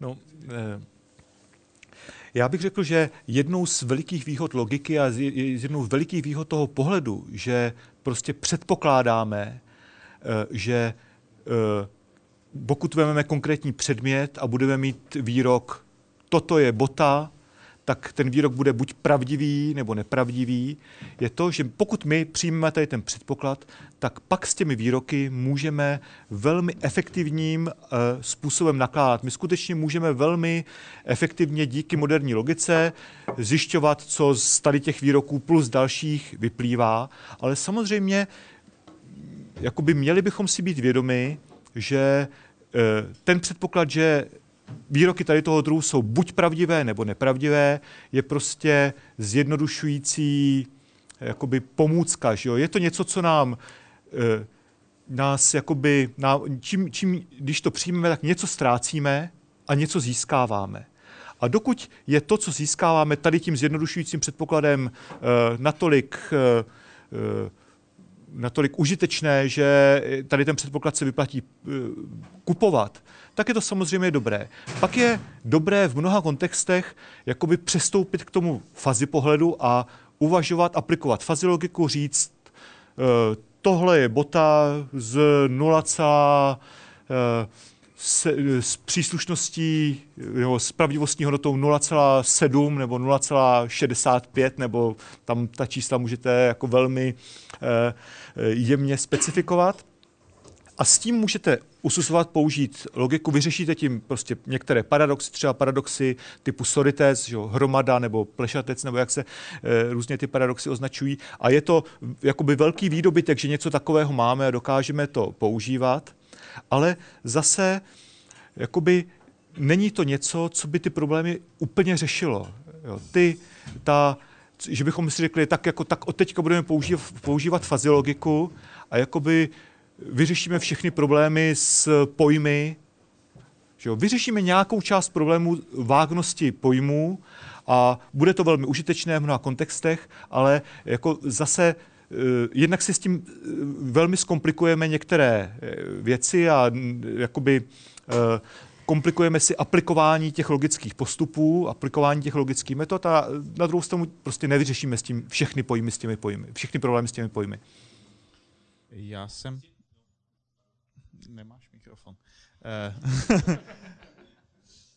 Já jsem chtěl říct, že ještě skočím zpátky k botám a podobným předmětům, že zatímco uh, pojem bota má určitý uh, okruh, kde něco vyjadřuje, tak já mám dost velký problém uh, s pojmem filozofie. A musím říct, že můj výklad je dobře jeden, ale znám těch výkladů hodně a rozcházejí se tak mocně, že vlastně nejsem schopný jako ani nějak stanovit nějaký průnik jo, mezi těma s těma skupinama. Takže já uh, jako dovedu si představit některé disciplíny, jako je etika, dokážu si představit disciplíny, jako je logika, ale nedokážu si představit filozofii jako takovou, jako univerzální. Co to teda je? no, já si myslím, že tady je opravdu problém v tom, že to slovo filozofie je strašně vágní a mnohoznačný. A jak už jsem říkal, já mám pocit, no tak slova nějak existují v tom jazyce a když nějaký slovo je vágní a jednoznačný, tak hold je, tak to může mít nějaký dobrý důvody, že jo? Ale na druhé straně si myslím, že pokud má existovat něco jako akademická filozofie, něco, co se učí na těch univerzitách, no tak by to přeci jen nemělo tak jak mít takový nějaký všeobjímající význam. Že jo? A já mám pocit, že když se tak nějak podíváme na to, co se pod tou hlavičkou filozofie schovává a na těch univerzitách v těch zemích, a kterým se chceme přiblížit, nebo já si aspoň myslím, že se chceme přiblížit většinou na ten západ od nás, tak se mi zdá, že ve většině případů skutečně tam jde prostě za A o zodpovídání otázek, za B o zodpovídání otázek, které, jaksi, kterých, které legitimně nezodpovídají nějaké vědy, že jo? ale uh, přece jen je to činnost, která se mi zdá s tou vědou je v nějakým uh, uh, smyslu spojitá. To znamená, zdá se mi, že to je řešení otázek, které nejsou úplně vědecký, ale který přece jenom uh, u těch vědeckých otázek se nelišejí nějak dramaticky. Jo? No, ona, já bych to možná doplnil. Eh, při takovém jako velmi zjednodušeném pohledu eh, ta současná oficiální filozofie se rozděluje do takových dvou proudů a to je analytická filozofie a kontinentální filozofie a eh, to rozlišení je jako, jako velmi, velmi vágní a neurčité, ale eh, ta analytická filozofie vlastně jakoby velmi zjednodušeně, a opravdu zdůraznuju velmi zjednodušeně, zahrnuje tu filozofii, která se přinejmenším svými ambicemi snaží eh, být blízko té vědě, to znamená předvádět takové úvahy, které jsou nějakým způsobem eh, zřetelně formulované, které jsou eh, jakoby kontrolovatelné, kde může být jasná diskuze, kde, je, kde konec konců někdy můžou být nějaké, nějak, nějací vítězové v argumentaci a poražení v argumentaci s tím, že to ti poražení uznají a ustřihnou si k šandu. A ta kontinentální filozofie eh, zdá se mi, že je eh, ta filozofie, která je v tomhle směru bližší k spíš k takovým typům lidské, lidských aktivit, jako je e, mýtus a jako je e, literatura. A mně se nezdá, že to je jako nějak zcela nelegitimní, protože e, málo kdo by asi popíral, když si přečte e, e, tak pravil Zaratustra od ničeho, že vlastně e, získává nějaké velmi pozoruhodné mm, filozofické vhledy, že, jo, že ho to nutí k nějakému zamyšlení, které bych označil jako filozofické. A přesto tam nenajdeme žádné argumenty a žádné prostě e, za, jakoby vývody, které by se týkají řešení nějakého konkrétního problému.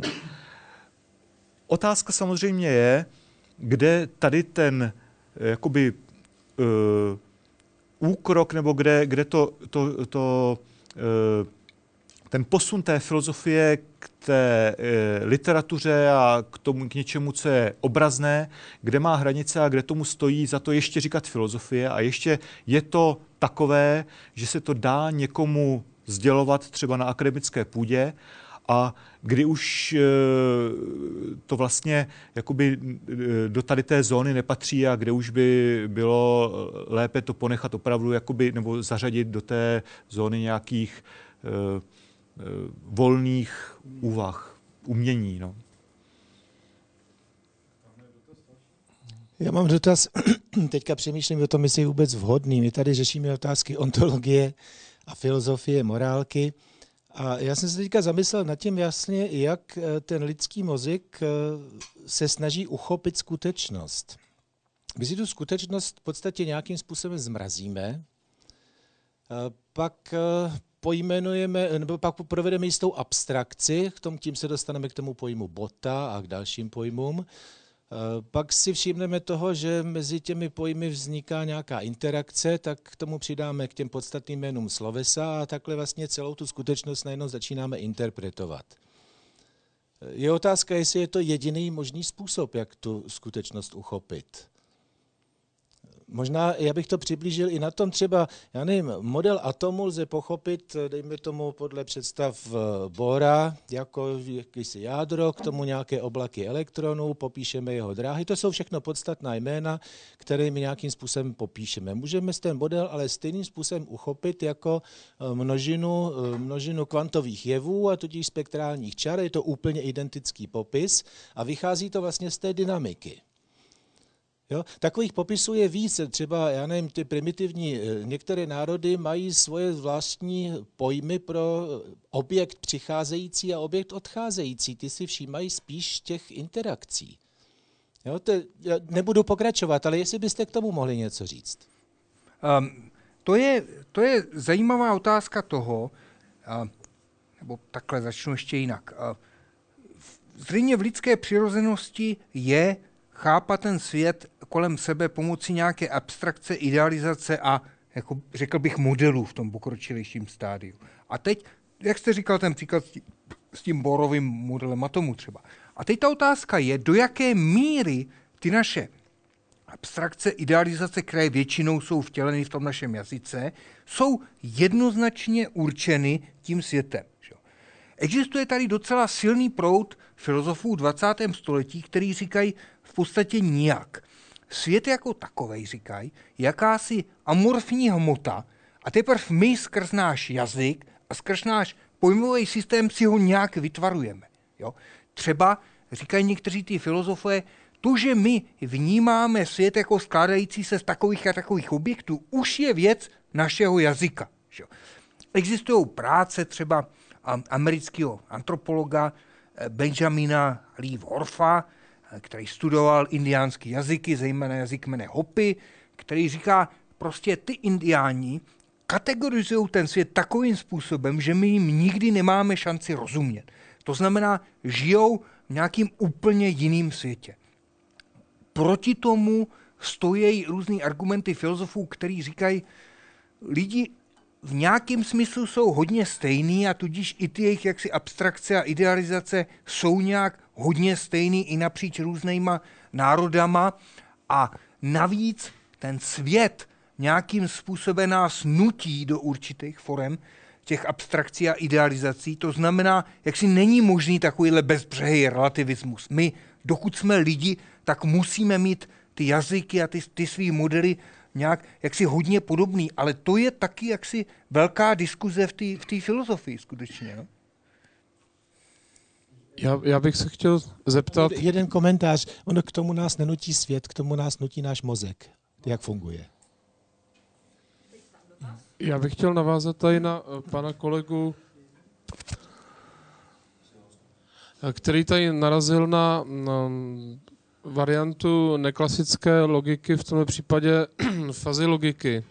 Já jsem se chtěl zeptat, samozřejmě uh, asi tušíme, že ta klasická, tedy aristotelská logika, která má svůj průmět, že de facto v dvojkové soustavě 0,1 uh, je efektivní, eh, že za tu efektivitu ovšem platí tím, že se nedá asi nasadit úplně v každé oblasti, nebo teda, jestli budu něco říkat špatně, jak se nás opravte. Jo. Prostě je to, dejme tomu, jak, jak si prazáklad všech logik, ale vynořují se, dejme tomu, motivace k tomu vytvořit logiky jiné a teďka bych chtěl se vás zeptat na, na otázku vícehodnotových logik.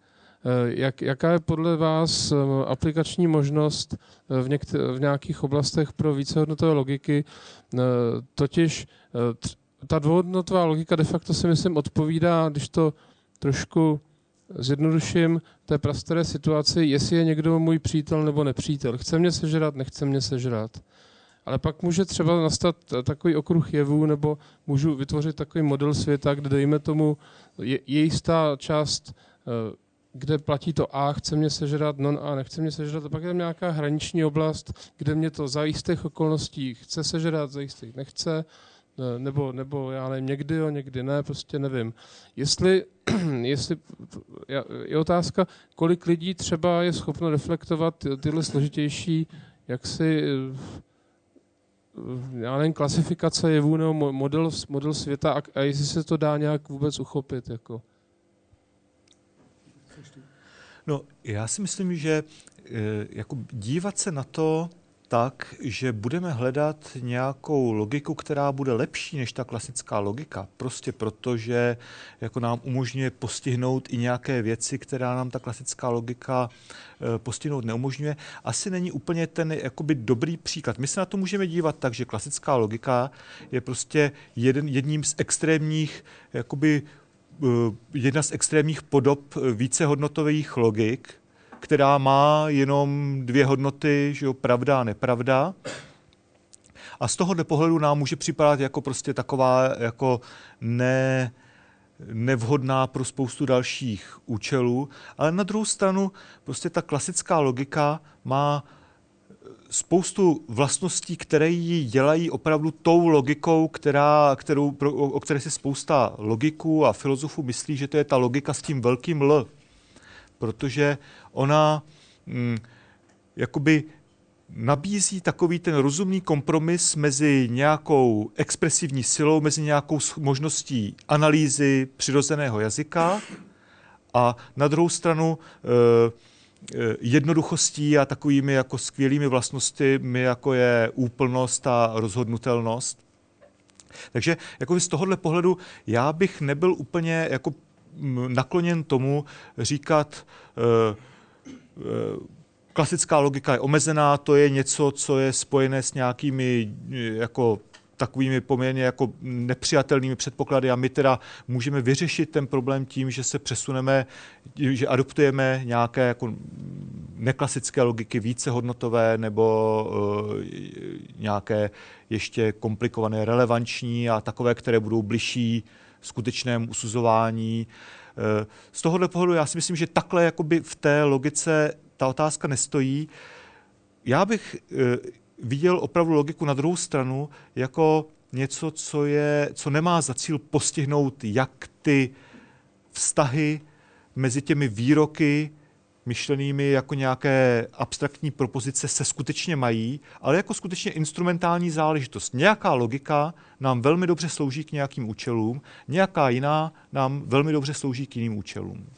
Ale já bych to ještě trošku zmírnil, že jo?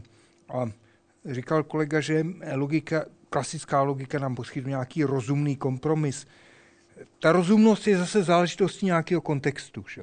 A já si myslím, že Není pochyb o tom, že klasická logika je strašně idealizovaný a zjednodušený model toho, prostě jak užíváme skutečně výrazy a pojmy v tom přirozeném jazyce. O tom není pochyb. A já si myslím, že když nás opravdu zajímá, jak funguje ten přirozený jazyk, tak v mnoha kontextech jsou užitečné, velmi užitečné ty alternativy ty klasi- té klasické logiky. Že? ať už jsou to prostě vícehodnotové logiky nebo něco jiného. Já si dokonce myslím, že z toho hlediska, z kterého my se na to díváme, z toho filozofického hlediska, jsou velmi často užitečné prostě jiné logiky než ta klasická logika. Ale na druhé straně eh, souhlasím, souhlasím s kolegou, že a vlastně se nedá říct, že kdybychom vzali třeba fazilogiku, že ona nějakým způsobem eh, vyřeší všechny ty problémy. Vezměme si, vezměme si ty pojmy v tom přirozeném jazyce. Že? Vezměme si pojem velký. Že? To je samozřejmě pojem, který když připíšem nějaký věci, tak je obvykle strašně obtížný říct, jestli je to pravda nebo nepravda, když o něčem řeknu, že to je velký. Že? Ale nevím, jestli třeba tohle by šlo úplně vyřešit tou fazi logikou. Někdy jo. Ale jsou tady minimálně dva problémy. Ten jeden problém je, že eh, když já přijmu tu fazi logiku, tak ji velice jednoduše můžu převíst na tu klasickou logiku. Budu říkat, tak toto je velké z 95%, a tento výrok už zase musí mít buď to, uh, musí být buď to pravdivý nebo nepravdivý. A jsem vlastně jakoby eh, zpátky v té klasické logice. Druhá věc je, že uh, ten problém takového pojmu nebo predikátu, jako je velký, a často není záležitostí toho, že něco je absolutně velký, něco je absolutně nevelký a někde je něco mezi tím. Většinou je to věc závislosti na kontextu. Když řeknu velký slon a velký mravenec, že? tak je to prostě užití toho predikátu velký, který je, který je úplně jiný, protože jaksi malý slon bude asi větší než velký mravenec. Že?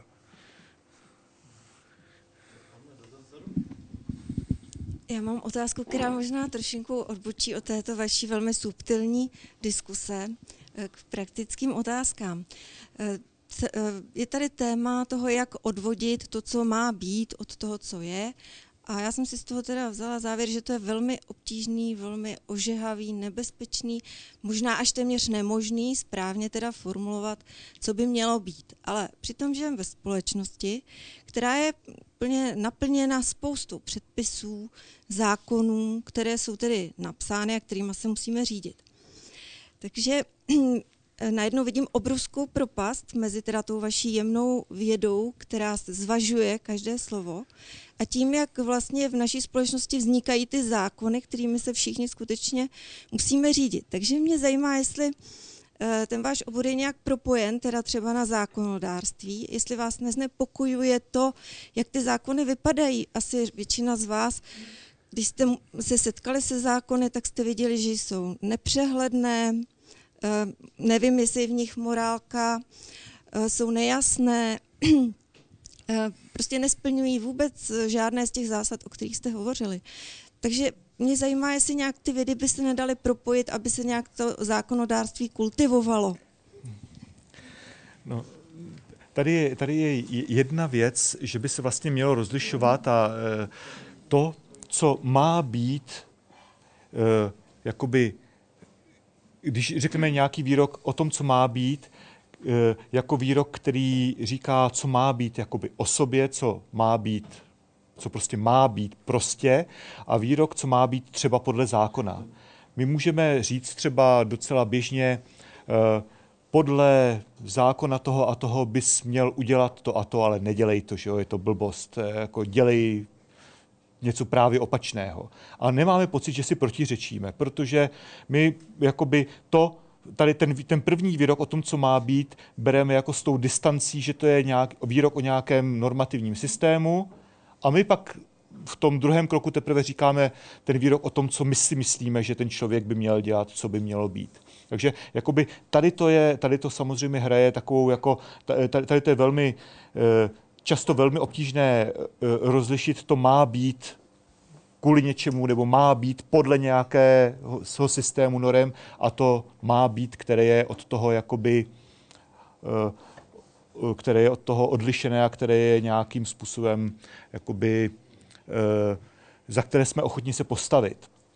Ale ta druhá věc je, jestli ty systémy norem, které Eh, kterými je naše společnost přeplněná, by skutečně neměly být nějakým způsobem vystavené kontrole, eh, eh, která by do nějaké míry přinejmenším prověřila, jestli oni jsou třeba vnitřně logicky konzistentní, jestli si neprotiřečí. A tady samozřejmě jakoby ta odpověď, která je jasná, je, že ano, že, jo, že bylo by ideální, kdyby byla nějaká dobrá, rozumná kontrola nad tím, jestli třeba e, e, systém zákonu platný v, te, v tomto státě si neprotiřečí. Že jo? Jestli jeden neříká to a druhý neříká něco jiného. Já upřímně řečeno, já jsem se eh, zabýval a do jisté míry se i v současné době zabývám takzvanou deontickou logikou, což je logika, která se zabývá právě těmi preskriptivními soudy, které říkají, co má být, respektive imperativy, které říkají, dělej něco. A jeden čas jsem se snažil eh, debatovat o tady tom s právníky a zjistil jsem, že vlastně ta debata skoro není možná, protože právníkům vlastně tak moc nevadí, když jeden zákon říká to, dělej A a druhý říká dělej B. Protože oni říkají, no ale jako on je nějaký způsob, jakým, jakým to vyřešit. Tady ten zákon je vydaný vyšší instancí, že, nebo tady ten zákon je byl vydaný dříve, tady ten později. A my máme mechanismy na to, jak jakoby tady ty spory v tom právu vyřešit.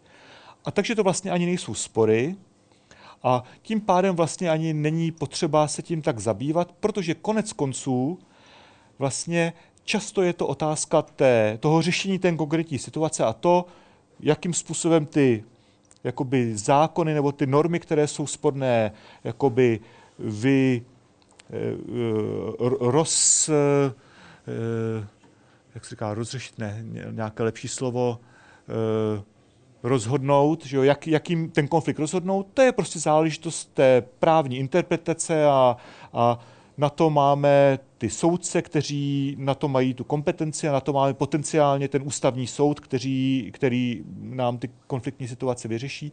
Takže popravdě řečeno, existuje něco, co je založené na té logice, na té deontické logice, na té logice, která jakoby je schopná pracovat na rozdíl od té klasické logiky s těmi předpisy, eh, což, co je aplikované v právu, existují systémy, takzvané expertní systémy v právu, které jsou založené, které využívají tu deontickou logiku a které umožňují třeba vyhledávat, jakoby, eh, jaké normy jsou aplikovatelné na nějakou určitou situaci ale jakoby to využití je velmi omezené. A já popravdě řečeno si nejsem jistý, do jaké míry tady ta situace je daná prostě tím, že to tak musí být, že to prostě v právu jinak nejde, že to prostě jakoby nějakým způsobem zásadně zpřehlednit a jako lépe rozklasifikovat a podrobit nějaké té logické kontrole opravdu nejde. A do jaké míry je to dané prostě přeci jenom jako nevůlí jako toho právního světa, kterému to vlastně na druhou stranu docela vyhovuje, že e, ti právníci spolu mohou bojovat a mohou nabízet ty služby a některý je lepší a některý je horší a tady to já opravdu nedokážu posoudit. Já bych, já bych k tomu měl ještě takový emotivnější dodatek, ale abych teda předešel nedorozumění, já si myslím, že v poslední instanci jakási ta rozhodnutí, jaký normy mají platit, jsou tedy jakási v dobrém slova smyslu politická rozhodnutí, která musí učinit řekněme, politici a jestliže Platón třeba vymýšlel, že by stát mohli řídit filozofové, to by asi nebyl dobrý nápad, ale a na druhé straně já jsem často strašně frustrován tím, že mám dojem, že když se činí nějaké rozhodnutí, takže by se mělo činit se znalostí věcí a s porozuměním těch, těm pojmům, které do toho vstupují, já bych uvedl takový příklad, že jo, já jsem neustále frustrován třeba debatou, která probíhá v naší společnosti o rasismu, protože si myslím, že rasismus je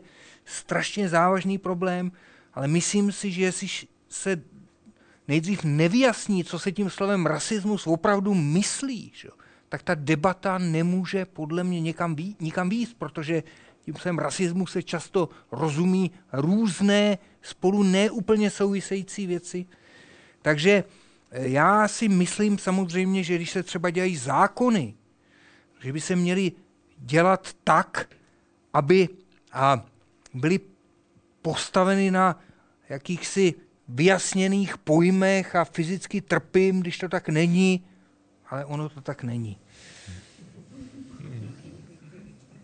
Tak. Já jsem, já jsem využil jednu, možnost eh, do, doplnění, upřesnění.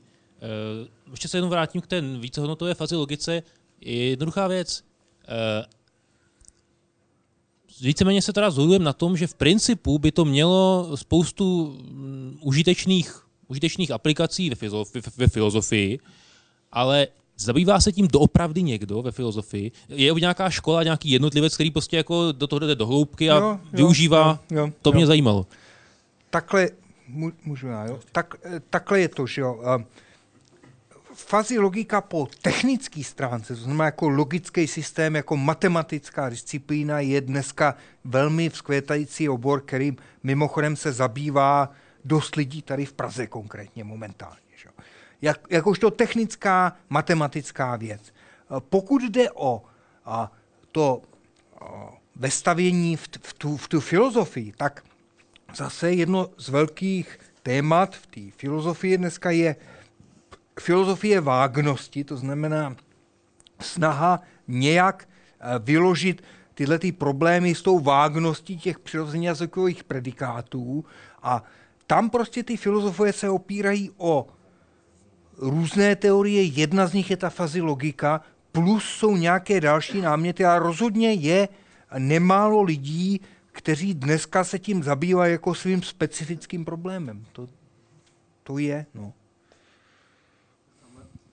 Tak jedna taková stručná otázka, jestli můžete říct, eh, nebo stručnějc, eh, vlastně to nejdůležitější na filozofii, eh, k čemu vlastně přispívá jednu, dvě, tři věci. Já teda mám pocit, že to nejdůležitější jsou dvě věci. Jednak vlastně ta etika, že vlastně dává odpověď nebo pomáhá nalezat odpovědi na etické otázky a potom vlastně pomáhá ve vědě a to je, že vlastně nastavuje nový paradigmata a vlastně přenastavuje nějaké skupení, eh, mění myšlení lidí a vlastně to, co by jinak vůbec se je nenapadlo, tak eh, tím pádem ta filozofie může rozehrát a může změnit. To jsou dvě věci, ta etika a vlastně ty paradigmata, ale jako, jestli můžete stručně nebo říct prostě, eh, co ta filozofie, co je na ní nejdůležitější, nebo k čemu slouží.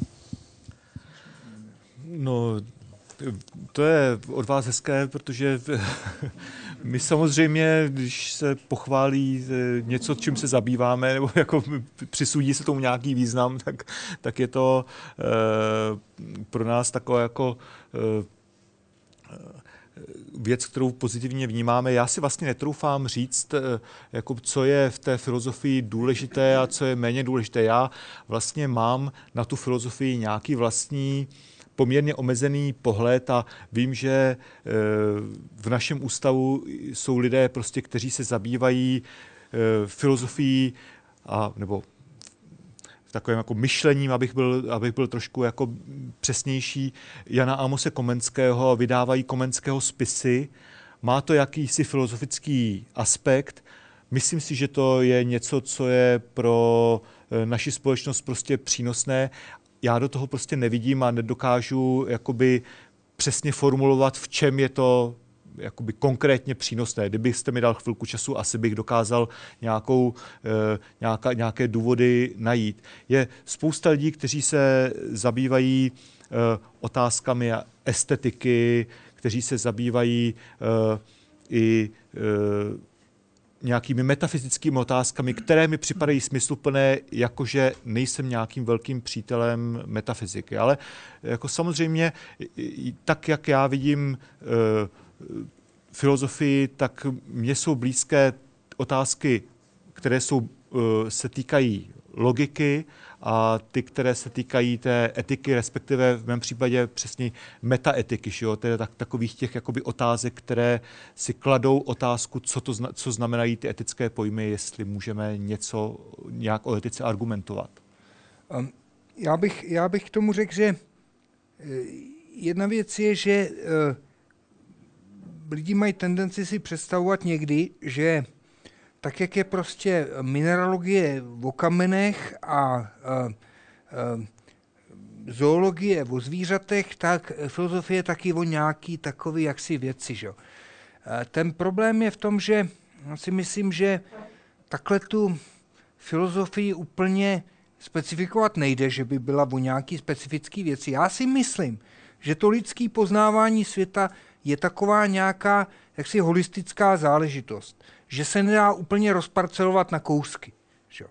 A že teda dneska ta věda je trošku tak rozparcelovaná na ty kousky a že tím trošku trpí ten, jak si, to, že to je všechno nějak provázaný. A myslím si, že filozofie tady má právě prostor v tom, že se má snažit, neříkám, že to vždycky dělá, že se to vždycky daří, zaujímat nějaký ten nadhled, který není tak lehce přístupný s nějaký ty speciální vědy, která je vnořená v nějakým tom oboru. Takže to by odpovídalo tomu, co jste říkal vlastně jako tu druhou věc, že? s těma paradigmatama a tak. To si já myslím, že je skutečně docela dobrá charakteristika jedný z těch podstatných věcí, co ta filozofie dělá. Že? A pokud je o tu etiku, já jsem tady možná skeptičtější než, než kolega. Já si myslím, že tam ta filozofie toho může udělat hodně málo. Že? Může nějak vyjasnit ty pojmy, na základě kterých potom se, řekněme, přijímají nějaká ta politická rozhodnutí, která mají nějak třeba s tou etikou souviset. Že jo? Ale já bych měl tendenci vidět skutečně tu úlohu té filozofie do velké míry související s tím, co, co jste říkal jako, jako tu druhou věc. No. To já si myslím, že jo, že když se podíváte třeba jenom na nějaké studijní programy uh, budoucích vědců, doktorandů, tak tam ta etika figuruje ve všech oborech, takže snad to nějaký smysl má pro nějaké hledání pravdy. No. Eh, tak já bych měl jenom dvě poznámky. Jedna se týká té tý fazy logiky. Já bych v tom teda neměl tendenci vidět nějaký všelek, protože eh, samotná ta pravděpodobnost nebo ta váha toho výroku je naprosto nejasný pojem, protože jak definovat pravděpodobnost, většinou ji definujeme tak, že to je prostě nějaký procento případů, kdy se ten daný jev realizuje, ale pak je spousta, nebo spousta, jsou některé jevy, například tento vesmír, o kterém si zatím myslíme, že byl realizován pouze jednou a co je potom nějaký výrok na bázi fazy logiky, který se týká tohoto vesmíru. Možná, že existuje mnoho vesmírů, ale to nikdo neví v, danou chvíli. Čili jako e, vznikaly by tam podle mýho názoru stejný e, fundamentální zase problémy nebo podobný jiný problémy, ale taky, e, taky závažný. A druhý komentář je teda jenom naprosto mě okouzlila představa, že v našem parlamentu by byl nějaký stroj, jakési orákulum, které by prostě vždycky rozhodovalo, zda daný zákon je bezesporný s ostatními zákony, předtím, než by se o tom dalo hlasovat. To je opravdu hodno e, zvážení. No, já myslím, že tak jako e, naivně, aby jsme si představovali, že něco takové je možné, tady to, co jste říkal, e, asi nikdo nejsme. K, té, k tomu, co jste říkal předtím, e, je, je, je potřeba rozlišit mezi e, pravdivostní hodnotou, která je přidaná, která je jakoby charakteristikou výroku, eh, eh, která je, přisuz, je mu přisuzovaná v rámci faziologiky. Že jo? Tento výrok je pravdivý ve stupni 0,25 a pravděpodobností. Pravděpodobnost je vlastně jiná věc. S nějakou logik, logikou pravděpodobnosti nebo logickými aspekty pravděpodobnosti se zabývá teorie pravděpodobnosti a to je vlastně jako zase, zase ještě jiná teorie, která má jako spoustu velmi úžasných aplikací, ale je to vlastně trošku jiný svět. Tak chcete ještě něco dodat? Tak máme akorát 9 hodin, konec naší oficiální části. Já bych eh, moc ráda poděkovala našim hostům, pan Jaroslav Peregrín, děkujeme. A pan Vladimír Svoboda, děkujeme. Já děkuji taky za vaše dotazy a, a za vaši disciplinovanost v našich eh, nových pravidlech, které myslím, že tak eh, dávají šanci zeptat se více lidem. A jako obvykle vás zvu na další Science Cafe, které proběhne 8. prosince, čili zase druhé úterý v měsíci. A e, to téma jsme, jsme nazvali evoluční detektivka, čili budeme se bavit o evoluci. Eh, pokud se chcete na to téma trošku připravit, tak si můžete koupit eh, listopadové vydání časopisu VTM Science, kde najdete rozhovor eh, s jedním z našich hostů, který přijde v, v prosinci. Jako obvykle se sejdeme tady v kavárně Potrvá v 19 hodin a Opět jako tradičně vás také na naše webové stránky www.sciencecafe.cz, kde najdete také třeba odkazy na Český rozhlas Leonardo, v jehož archivu si budete moci poslechnout i eh, dnešní vydání Science Cafe. Eh, já vám děkuji za pozornost a přeju vám příjemný zbytek večera.